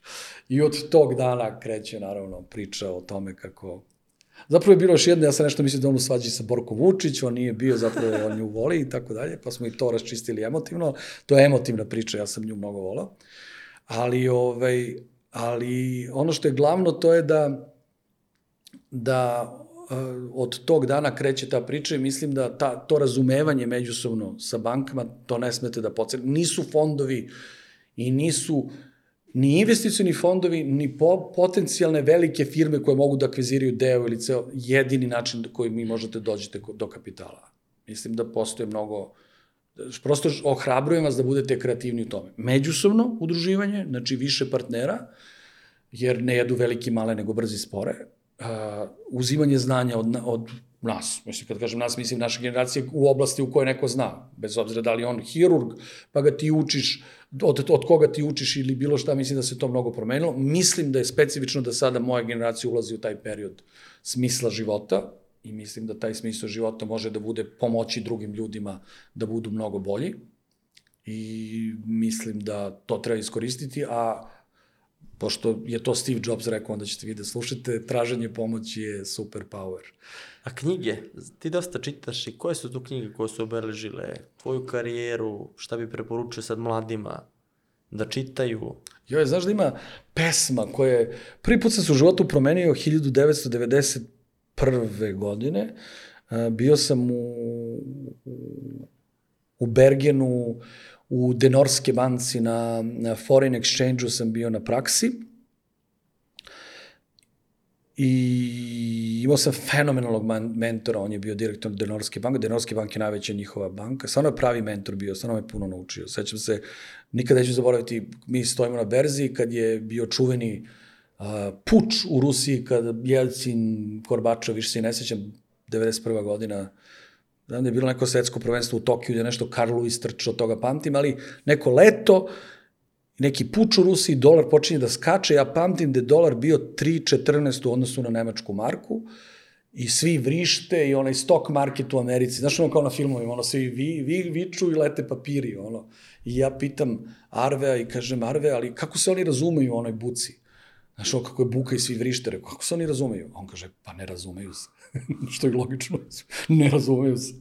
I onda je to bio jedan divan mentor koji ovaj, je učinio da, da ja još u to vreme razumem mnogo stvari, da razvijem karijeru posle toga na mnogo bolji način nego što sam to uradio, pa mislim da je mentorstvo dokazan način da to bude uspešan model i mislim da treba to negovati. Čak već u tvojim godinama mislim da ti svakako možeš već za nekoliko godina da pomažeš drugim ljudima, pa i da budete partneri, a, da to ubrzate. A ono što je meni, što sam ja hteo da kažem je zapravo bilo nešto drugo vezano... S pesmu si spomenuo, ja sam za te pitao za da, knjige. Za, ne, za pesmu sam hteo da kažem da u jednom, u jednoj nedelji uh, slušam mm, neku pesmu od uh, grupe koja se pamti zove Working Week i neka pesma u kojoj oni kažu nešto da treba da budeš pozitivan i prema drugim ljudima, ne samo prema sebi. Tad je bio onaj žuti Sony Walkman slušalica, držiš ga na, na ušima i slušaš, pamtiš taj žuti Sony? Svi to, to je u našem vremenu bilo sad kao vama iPhone, ja? Žuti Sony I onda taj, ta, ta pesma, ja sam ceo dan razmišljao, to je bila neka nedelja, ja sam rekao, ok, treba budem pozitivan i prema drugim ljudima, ne samo prema sebi. I to pamtim, tog dana sam se promenio. Jer tad sam nešto mislio sam ja kao i mislio sam pozitivno o sebi. Ali nikad nisam razmišljao i o drugim ljudima. Imao sam 20 godina i eto, tako sam razmišljao. Onda sam tog dana se prosvetlio i rekao, ha, postoje dobri ljudi oko mene, nisam ja jedini dobar. Ne? Imao sam lepo mišljenje o sebi, kao ja sam super ali nisam razmišljao da su drugi ljudi super. To je bio veliki promena, promena meni. Sad trenutno čitam, sad dok sam pričao, razmišljao sam, sve mi prolazi kroz glavu uh, Laws of Human Nature, trenutno Greenov, eto, to je možda trenutno, ona se bavi zapravo psihologijom, ja, pa je meni to zanimljivo zato što možda sam u tim godinama kada hoću da razumem i ljude i sebe. Ali fenomenalna knjiga, trenutno je čitam. A šta bi preporučao mladima? Knjigu? Da čitaju knjigu, koju bi im preporučio? To je večito pitanje, to te često pitaju ljudi. Ja, ako me pitaš da li sam u životu više naučio iz, iz knjiga ili iz učbenika, majke mi mile iz učbenika. Ja kad bi neko rekao sad, kad bi mi neko pitao šta da čitam, ja bih mu rekao pa učbenik. A ko je Sad, znaš kako kaže Milan Stromen, ti sad iz knjiga, ne znam, YouTube-a, ono, kako kaže Istok Pavlović, iz YouTube, iz YouTube-a možeš sve da naučiš. Tačno, ali ja ne mislim da baš moraš YouTube, ja mislim da možeš da koristiš one online kurseve. Ti sad imaš 100.000 online kursova sa Ivy Liga. Šta god da ti padne na pamet. Ja se plašim da ovako kako vi vidite, pogotovo besplatno znanje, ajde u plaćeno znanje ja i verujem, obrazovanje. Znači prvo, kad bi me neko pitao da li verujem u formalno ili neformalno obrazovanje, ja bih rekao ovako. Ako je državno, verujem u formalno. A ako je privatno, verujem samo u skupo. Jer mislim da je državno formalno. I to je super, u to verujem. Na kraju kraja oba moje roditelje su prosvetni radnici. A bili. Ali, kad je neformalno obrazovanje u pitanju, ja verujem samo u skupo. Ako ti platiš kurs 49 dolara, koji će ti omogućiti da budeš hirurg, ja u to ne verujem. Pa šta svejedno, da li si, šta god da si, ajde da ne imenujem sad nekom da ne kvarim kurs. Ali ja mislim da pre svega treba da čitate učbenike na zadatu temu. Ako to, ajde, danas smo pričali o likvidnosti. Mislim, ja nisam ni s financija. Mislim, ja nikad ali, nisam ali, ni želeo da, se ajde te teme likvidnost, to su teme koje su godinama obrađevani, postoje literatura. Ali sad pričamo o novim oblastima gde ne postoje literatura, to je učbenici. Kao sad. digital marketing. Ti imaš, uzmeš master iz digital marketinga na Stanfordu i onda uzmeš sve što oni daju besplatno. Evo, koliko ja i ti ljudi znamo, ti ja ljudi znamo da će da, da, da rade tako nešto. Ali će svi da odu na YouTube zato što je nešto lako i gledaju površni video koji u stvari služi, ja bih rekao, sve što je besplatno u stvari služi da te uvede u funnel. Što ti više slušaš, plašim se da je pitanje da li si ti u zabludi. Ja mislim da svi ti kursevi, pogotovo besplatni, isto rade što i francuski kuvari, a to je u receptu sigurno ima mana. Nema šanse, svi francuski kuvari u receptu daju tri stvari pogrešno. Jesi probao nekad da skuvaš nešto od nekog poznatog francuskog kuvara u knjizi ili na videu? Pa probaj pa ćeš da vidiš da nikad neće ti A samo francuski znači. Pa dobro, kad kažem francuski, mislim najbolji kuvari. Mislim da svi ovi što rade ova videa, namerno promene dve stvari. To ništa nije tačno. Ja lično, mislim, ja ne znam, nisam probao, Ali ali, ti ako- ali sam ubeđen da nije tačno. Ali ako si probao sad to i vidiš da nije tačno, što bi ti kupio onda taj skuplji? Ako Ma ne, ali kao, gde je dokaz da to deluje? Ja mislim da, ne, evo, ne, spor, ne, ne sporim da su oba tačna, ali ako su oba tačna, ajde da bude algoritam, if oba tačna, Den bolje koristi ovaj sa Stanforda, je li tako? Zar ne? Pa da kažem za, za te oblasti, a mene danas Ajde, zanima kaži nešto što je izašlo pre tri meseca, ja, sad TikTok algoritam, iz kog učbenika ja to sad da, da učim, treba mi neko ko je to odradio Pa ne, već. evo ovako ću ti kažem za TikTok algoritam. Evo reću ti za nas. Evo reću ti za nas. Mi kad smo pravili B2B ili content manager, kad smo mi stvorili zanimanje content manager, pa nije bila teorija na temu content manager. Mislim, ja se sjećam da smo mi content manager izmislili u firmi jer nismo više znali kako da... Izvini, probudiš se ujutru i odjednom se pojavljuje uh, www, je li tako? Što pre nije bilo. I odjednom postaju slike. Pa od slika postaje mnogo slika. Pa od slika postaje slika, tekst i cena. Je li tako? I sad neko treba po ceo dan u firmi da se bavi time. Pa kako se ta osoba zove? Pa mi nismo znali. Ti uzmeš prodavca, recimo, ne znam, HP-a i kažeš IT, ono IT sale, IT sale, ovaj, da središ tu stranu. I on kaže, Vladimir, ja hoću, ali tih strana ima 100, ja nemam vremena da se bavim time po ceo dan. Ti odeš pozadi u CMS i izgubiš 10 minuta. I ti odjednom treba zaposliš osobu koja to treba da radi. Kako se to zove? Pravilac teksta na, na jednoj strani na internetu. To su to vreme zvao webmaster. Ti onda zaposliš webmaster i kažeš, a izmeni nešto na strani koja se zove HP. On kaže, pa ja to ne znam. Pa kako ne znaš? Pa ja ne znam, ako piše 100 ili greškom piše 100.000, ja ne umem da vidim razliku. I ti kažeš, aha, znači ta osoba treba da zna nešto o HP-u ili o čemu god hoćeš, o ba, b, b, b, kafi, ja prodeš kafu, moram da od Quantoxa, moraš da znaš a, nešto o Quantoxu i moraš da znaš a, da se izražavaš. Kako se zove ta osoba pre 20 godina? Koji je ona fakultet završila? Mi bre to ništa nismo znali. I mi smo rekli, aha, ajde da ubedimo nekog ekonomistu, jer programeri su nadrandani, jer tako inženjeri to neće da rade, novinari kažu, pa ja sam novinar, ja pišem o društvenim temama, ili sam sportski novinar, ti nemaš čoveka. A ti moraš da imaš nekog ko ume da se izrazi na akademskom nivou. Znači, možeš ti zaposliš nekog ko ima 16 godina ili ne zna da radi. Ja? I, aj nađi mi koje je to zanimanje. I sad je vama to jasno, content, evo sad imate i AI sa kontentom. Ali šta pre 20 godina, kog da zaposliš na toj poziciji? Mi nismo znali. I mi smo rekli, aha, neko ko upravlja sadržajem, on se zove content manager. Pa kako da ga zoveš? Rukovodilac sadržaja. I sad meni ljudi kažu, pa zašto zove content manager? Pa kako da ga zovem? Kako da ga zovem? Mogu zovem upravljač sadržaja. Mislim, ka, kapiraš, mislim, zvuči rogobatno. Ja? I onda smo mi tako stvorili content manager. Hoću da ti kažem, nismo imali teoriju, nego smo imali samo praksu. Prema tome, ako ti treba algoritam za TikTok, ti, ima još jedna stvar, a to je da li se ti probudiš ujutru i kažeš treba mi algoritam za TikTok. Ja mislim da ne, nego se ti probudiš ujutru i 15 ljudi koji hoće da ti prodaju kurs za algoritam pričaju da ti treba algoritam za TikTok. Što je različito od toga, evo ja se budim ujutru pa, jer prvo mislim da oni kreiraju tražnju pa iz nje ti tražiš taj kurs. Ja lično mislim. Jer ako se ti budiš ujutru i kažeš, hm, treba mi bolji algoritam za TikTok, nema problema, ti si već u TikToku. Ali ne, ja se budim, na primjer, sa problemom da mi je slaba prodaja preko toga, ima malo pregleda i kako da dođem do toga. Bavi se time.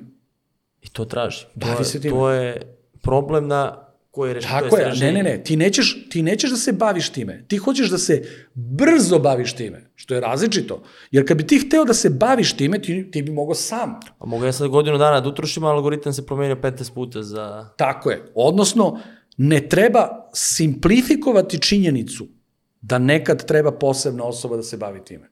Jer potraga za brzim i jeftinim rešenjem možda ne daje dobre rezultate. Jer ti tako, kao neki onaj čičak, ti sad hodaš i skupljaš to znanje, ono se lepi onaj čičak. Znaš kad hodaš kroz travu pa se lepi, sad se on lepi, lepi, lepi, da. lepi, lepi na tebi, ti si sve veći, veći, veći, veći i na kraju si ti pun tih čičkova, ti više nisi taj čovek koji si bio. Odnosno, kreirajte radna mesta. Ako je, ako je, ako ti kažeš, ako algoritam kaže, tre, moja prodaja kroz TikTok je loša. Šta znači loša? Pa fali mi 800 evra. Pa dobro, evo ti je half time jedno radno mesto. Pa mu daj radno mesto. Plati uslugu, pa ne mora sve da znaš. A ne, ne moraš ni sve da znaš, ali šta je problem kad ti već imaš nešto si postigao i tebi treba neko ko će bolje od tebe to da radi.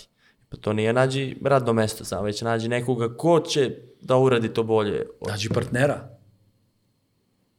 Ali kažem, evo ti, mi, mi, mi kažemo, evo, ovo šta mi radimo, jel tako, takvih pregleda nema, jer ako neka dođe ko zna bolje, evo neka, neka odradi bolje. Ne, ne, dobro, okej, okay, šalim se, Mislim, za, hoćeš za da neke kažeš. ekstremne situacije, ali ovo je čak, da. Čak, ajde i to da ti odgovorim, da, se, da, da, da ne ulazimo duboko kako bi neko od nas dvojice poentirao.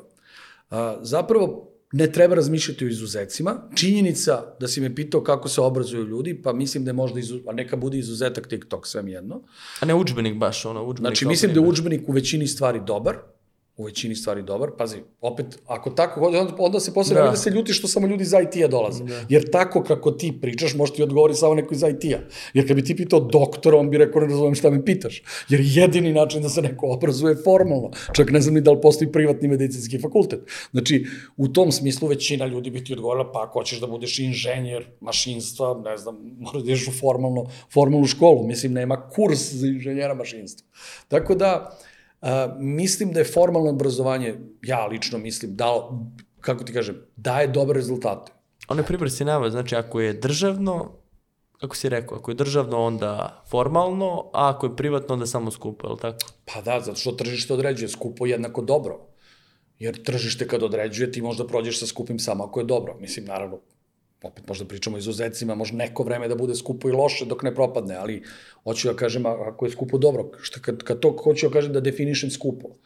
A, jedna od knjiga koja je ostavila najveći utisak na mene u zadnjih možda 10 godina se zvala How Asia Works i sećam se da je ona deo tog programa u kome ja svake godine kupim knjige a, koje Gates objavi ono kao kojemu se... I moram da ti priznam, tri od pet su mi Ima, dobre. ima zajeba. Pa ne znam, mislim, baš sam malo pre, baš kad sam jutro se izlazio iz kuće, nešto sam vidio jednu vezanu koja je nešto nahvalio, neka statistika, mislim, ništa nisam razumao, mislim, mislim, polu zabavna, onako, recimo, jedna od loših je ta, ne sećam se nikako zove, nešto o statistici, nemam pojma. Ali ja, kada izbaci ono, jednu godinu, jednom godišnje izbaci ono, ja uzem da čitam to, kako se zove, e, to što je oni, kupim te knjige i znam da jedne godine iza- izašao sam na Amazon, kupio tih pet knjiga, ali recimo da je ova knjiga koštala 69 dolara. Meni to bilo skupo. Ako 69 dolara za knjigu, mislim 69 dolara, to mi zvuči mi puno. Ja?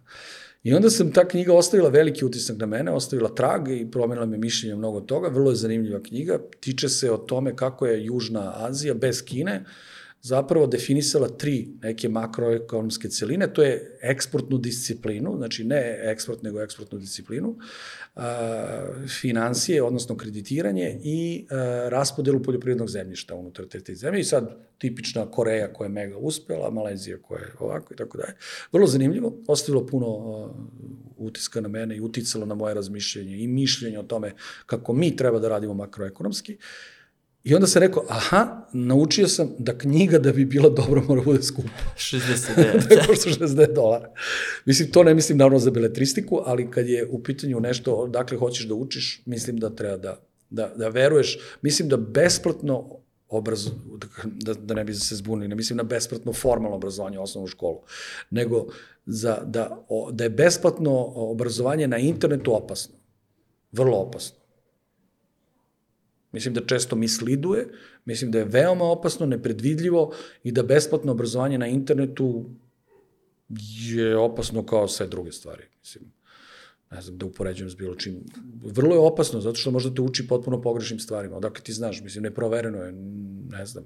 Mislim, nije jedini način da ti... Jedino kod oblasti koje možeš da, da ispitaš direktno. da, razumem, tehnički... Znači je da vidiš u rezultat to. sada, da probaš i ono, da testiraš da li radi ili ne.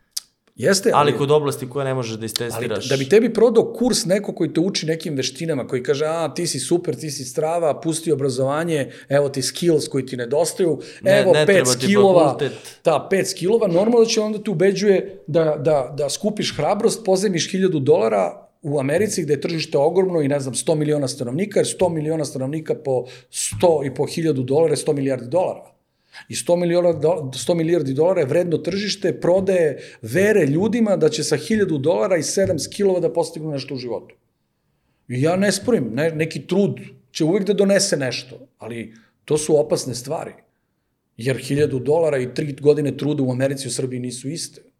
Koja je razlika? Pa zato što je ovde opasnije, zato što ovde tržište je manje, zato što ovde nema toliko radnih mesta i zato što tebi, kako da ti kažem, ne, nije ti domicilan, nije ti e, n- prirodan jezik, nije ti domaći jezik, e, kako se to kaže, tvoj maternji jezik, nije ti maternji jezik e, engleski. Odakle ti znaš da ti možeš da, da živiš dobro na, na, na nekom drugom jeziku beskreno? Odakle znaš, u teoriji, ako se ti ponažeš zabavno i gledaš serije na engleskom, kako izgleda da ti radiš u drugoj kulturi tri godine na drugom jeziku? Odakle znaš da te neće zaboleti glava? Ili da će ti biti stresno i tako dalje. Jer iz, po, me, po meni ne treba izbacivati faktor koji se zove vreme iz jednačine. Jer to što radi danas, gde mu je vreme? To radi danas, u trenutku, ali koje je vreme? A šta ako si posle tri godine loše? Šta ako mentalno zdravlje, kako to utiče na mentalno zdravlje? Tako To da, sad previše, da kažem, razmišljanja, ali bi ti ušao sad u biznis sa svim tim razmišljanjima, šta bi bilo posle tri godine, da li će da me boli glava, da li neće? Ne, ne, ne, ne, ne, ne, to ti je samo to ti je samo natpevavanje na temu koja se zove da li olako treba pristajati na to da te neko ubedi da ti ideš u start-up i da dominantna narativ na svim medijima bude, kad kažem medijima, mislim društvenim medijima, bude taj da ti treba da odeš u start-up i da sam radiš nešto.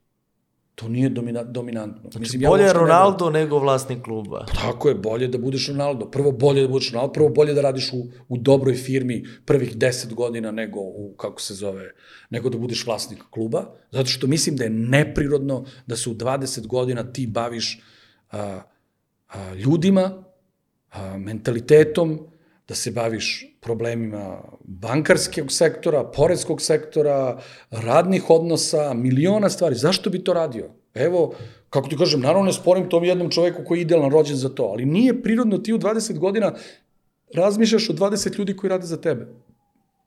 I baviš se platama. Pa to nije nešto, mislim, zašto bi se bilo ko bavio platama u 20 godina? Ti u 20 godina hoćeš da se baviš drugim stvarima i da, ako ništa drugo, ne moraš da se sikiraš sve vreme. Da ne kažem, svi ti ljudi koji su ušli gla, grlom u jagode u start-upove, ne znaju kako će se osjećati za 20 godina. Jel treba da znaju kako će se osjećati? Ne, ali treba da budu i oprezni, što neće niko da im kaže, je li tako? A osim nas koji smo 30 godina u poslu. Pa nemoj da misliš da ja kad odem kod lekara, pa mene zadnja osoba koja je zvala, uh, što sam ušao ovde, bilo stetoskop booking, da mi zakaže pregled u šest kod kardio uh, lekara. Od šest, pa sam rekao ne mogu, pa sam rekao od sedam, pa ona rekla utakmica. To ti je stvaran život. Stvaran život je da ja imam šta imam, je li tako? I sad kad bi, kad bi ja bio partner u takvoj firmi, rekao, čekaj, momci, stanite. Super to što vi pričate, ali čekaj, ko, ko živ, ko mrtav do 50. godine, je li tako? Znači, ta stvar koja se zove i sve snage, svi u start-up 20 sati dnevno, ja ne sporim, samo ima svoju cenu. I sve ima svoju cenu, samo za neke stvari nema cena istaknuta. Znači, niko neće da, će, da ti napiše ako se ti baviš sa 30 mladih ljudi platama i njihovim radnim okruženjem i težak šesti programer iz tvoje firme će tebe da izludi zbog toga kakav mu je hot dog e, na tosteru i to će tebe da dovede 7 dana do ludila mesečno, da ćeš ti u 48 godina da, da, da, da imaš nešto. E to piše na tom price tagu. Pa ne piše, ali desit će se. I kad bi bio neko ko je stariji, on bi rekao, čekaj, stani, polako, ništa nije sporno, ajde da vidimo jedno po jedno. Prvo obrazovanje, pa taktika, pa ovo, pa ono, pa daj da se hedžujemo, pa daj ne sve all in, jel tako? Mislim, da ne bude da... Ja sam se s Markom Bjelićem, znaš Marka Bjelića? Ne. Znaš ko je, ne? Iz Banja Luki, ne? Ne. Bože, sad ne znam ni iz Banja Luki, on je on sad u Budvi radi neku Sad, Nešto na B, Tad je a? radio Coca-Cola nešto, znam, bio je mnogo, kad, smo, kad je bio mlad, bio je mnogo poznat u tom svetu, web sajtove. Ja. I onda smo se ja i on 2008. 6.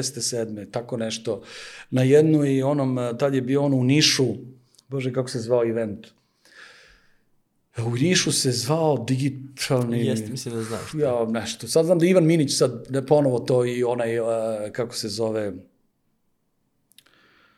Istok o Bože, Pavlović. kako? Istok Pavlović. Ne Istok Pavlović, Ivan Minić i ovaj uh, Ognjan mi u glavi, pa ne mogu da se setim, na, e, su pravili opet skoro u Nišu nešto. I ja se sećam velike rasprave između mene i Marka Bjelića, da nije jedini način ni iz čega stvoriti 100, nego da nekad nije loše od 100 napraviti 130. Jer ti stalno imaš situacije da ljudi ho hoće front scratch, ni iz čega, verujući u model da naprave revoluciju. Slažem se, ali to ima jako nizak conversion rate, strike rate. Kako A jel brzi jedu spore? Brzo jedu spore. Tako da ti ako ne shvataš da je taj kurs koji ti je dao rezultat za TikTok, svakako mora da nađeš neki drugi.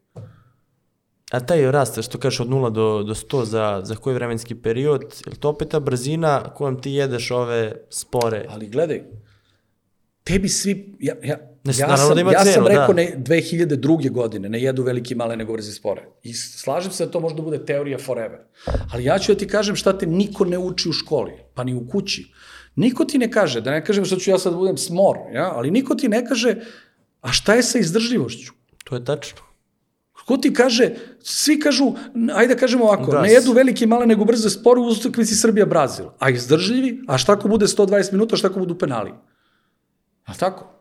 I sad desi se to i onda taj neki selektor i on je frajer i tako dalje. Ali činjenica da u stvarnom životu stalno da se uče da budemo bolji, brži, hiljadu stvari, a niko ne kaže čuvaj se, budi izdržljiv i tako dalje. Odnosno, Maraton. kaže ti mama, kaže ti mama, a onda ti njoj kažeš mama, mama kao mama. Šta mama zna, ja? Ali ona se brine o tebi. Ona ne zna da ti kaže u transferu znanja, evo sinko, ti kažem algoritam zašto to radi.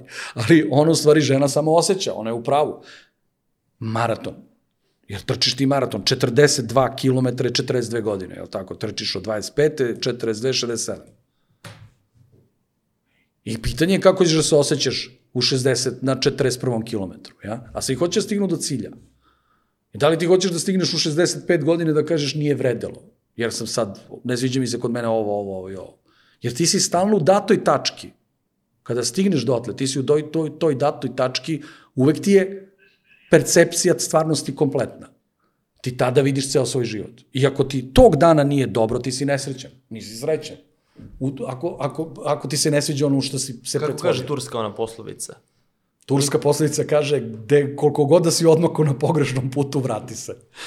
Tako da, Nije, nije lako. nije. Ali- Da priznaš grešku, ne.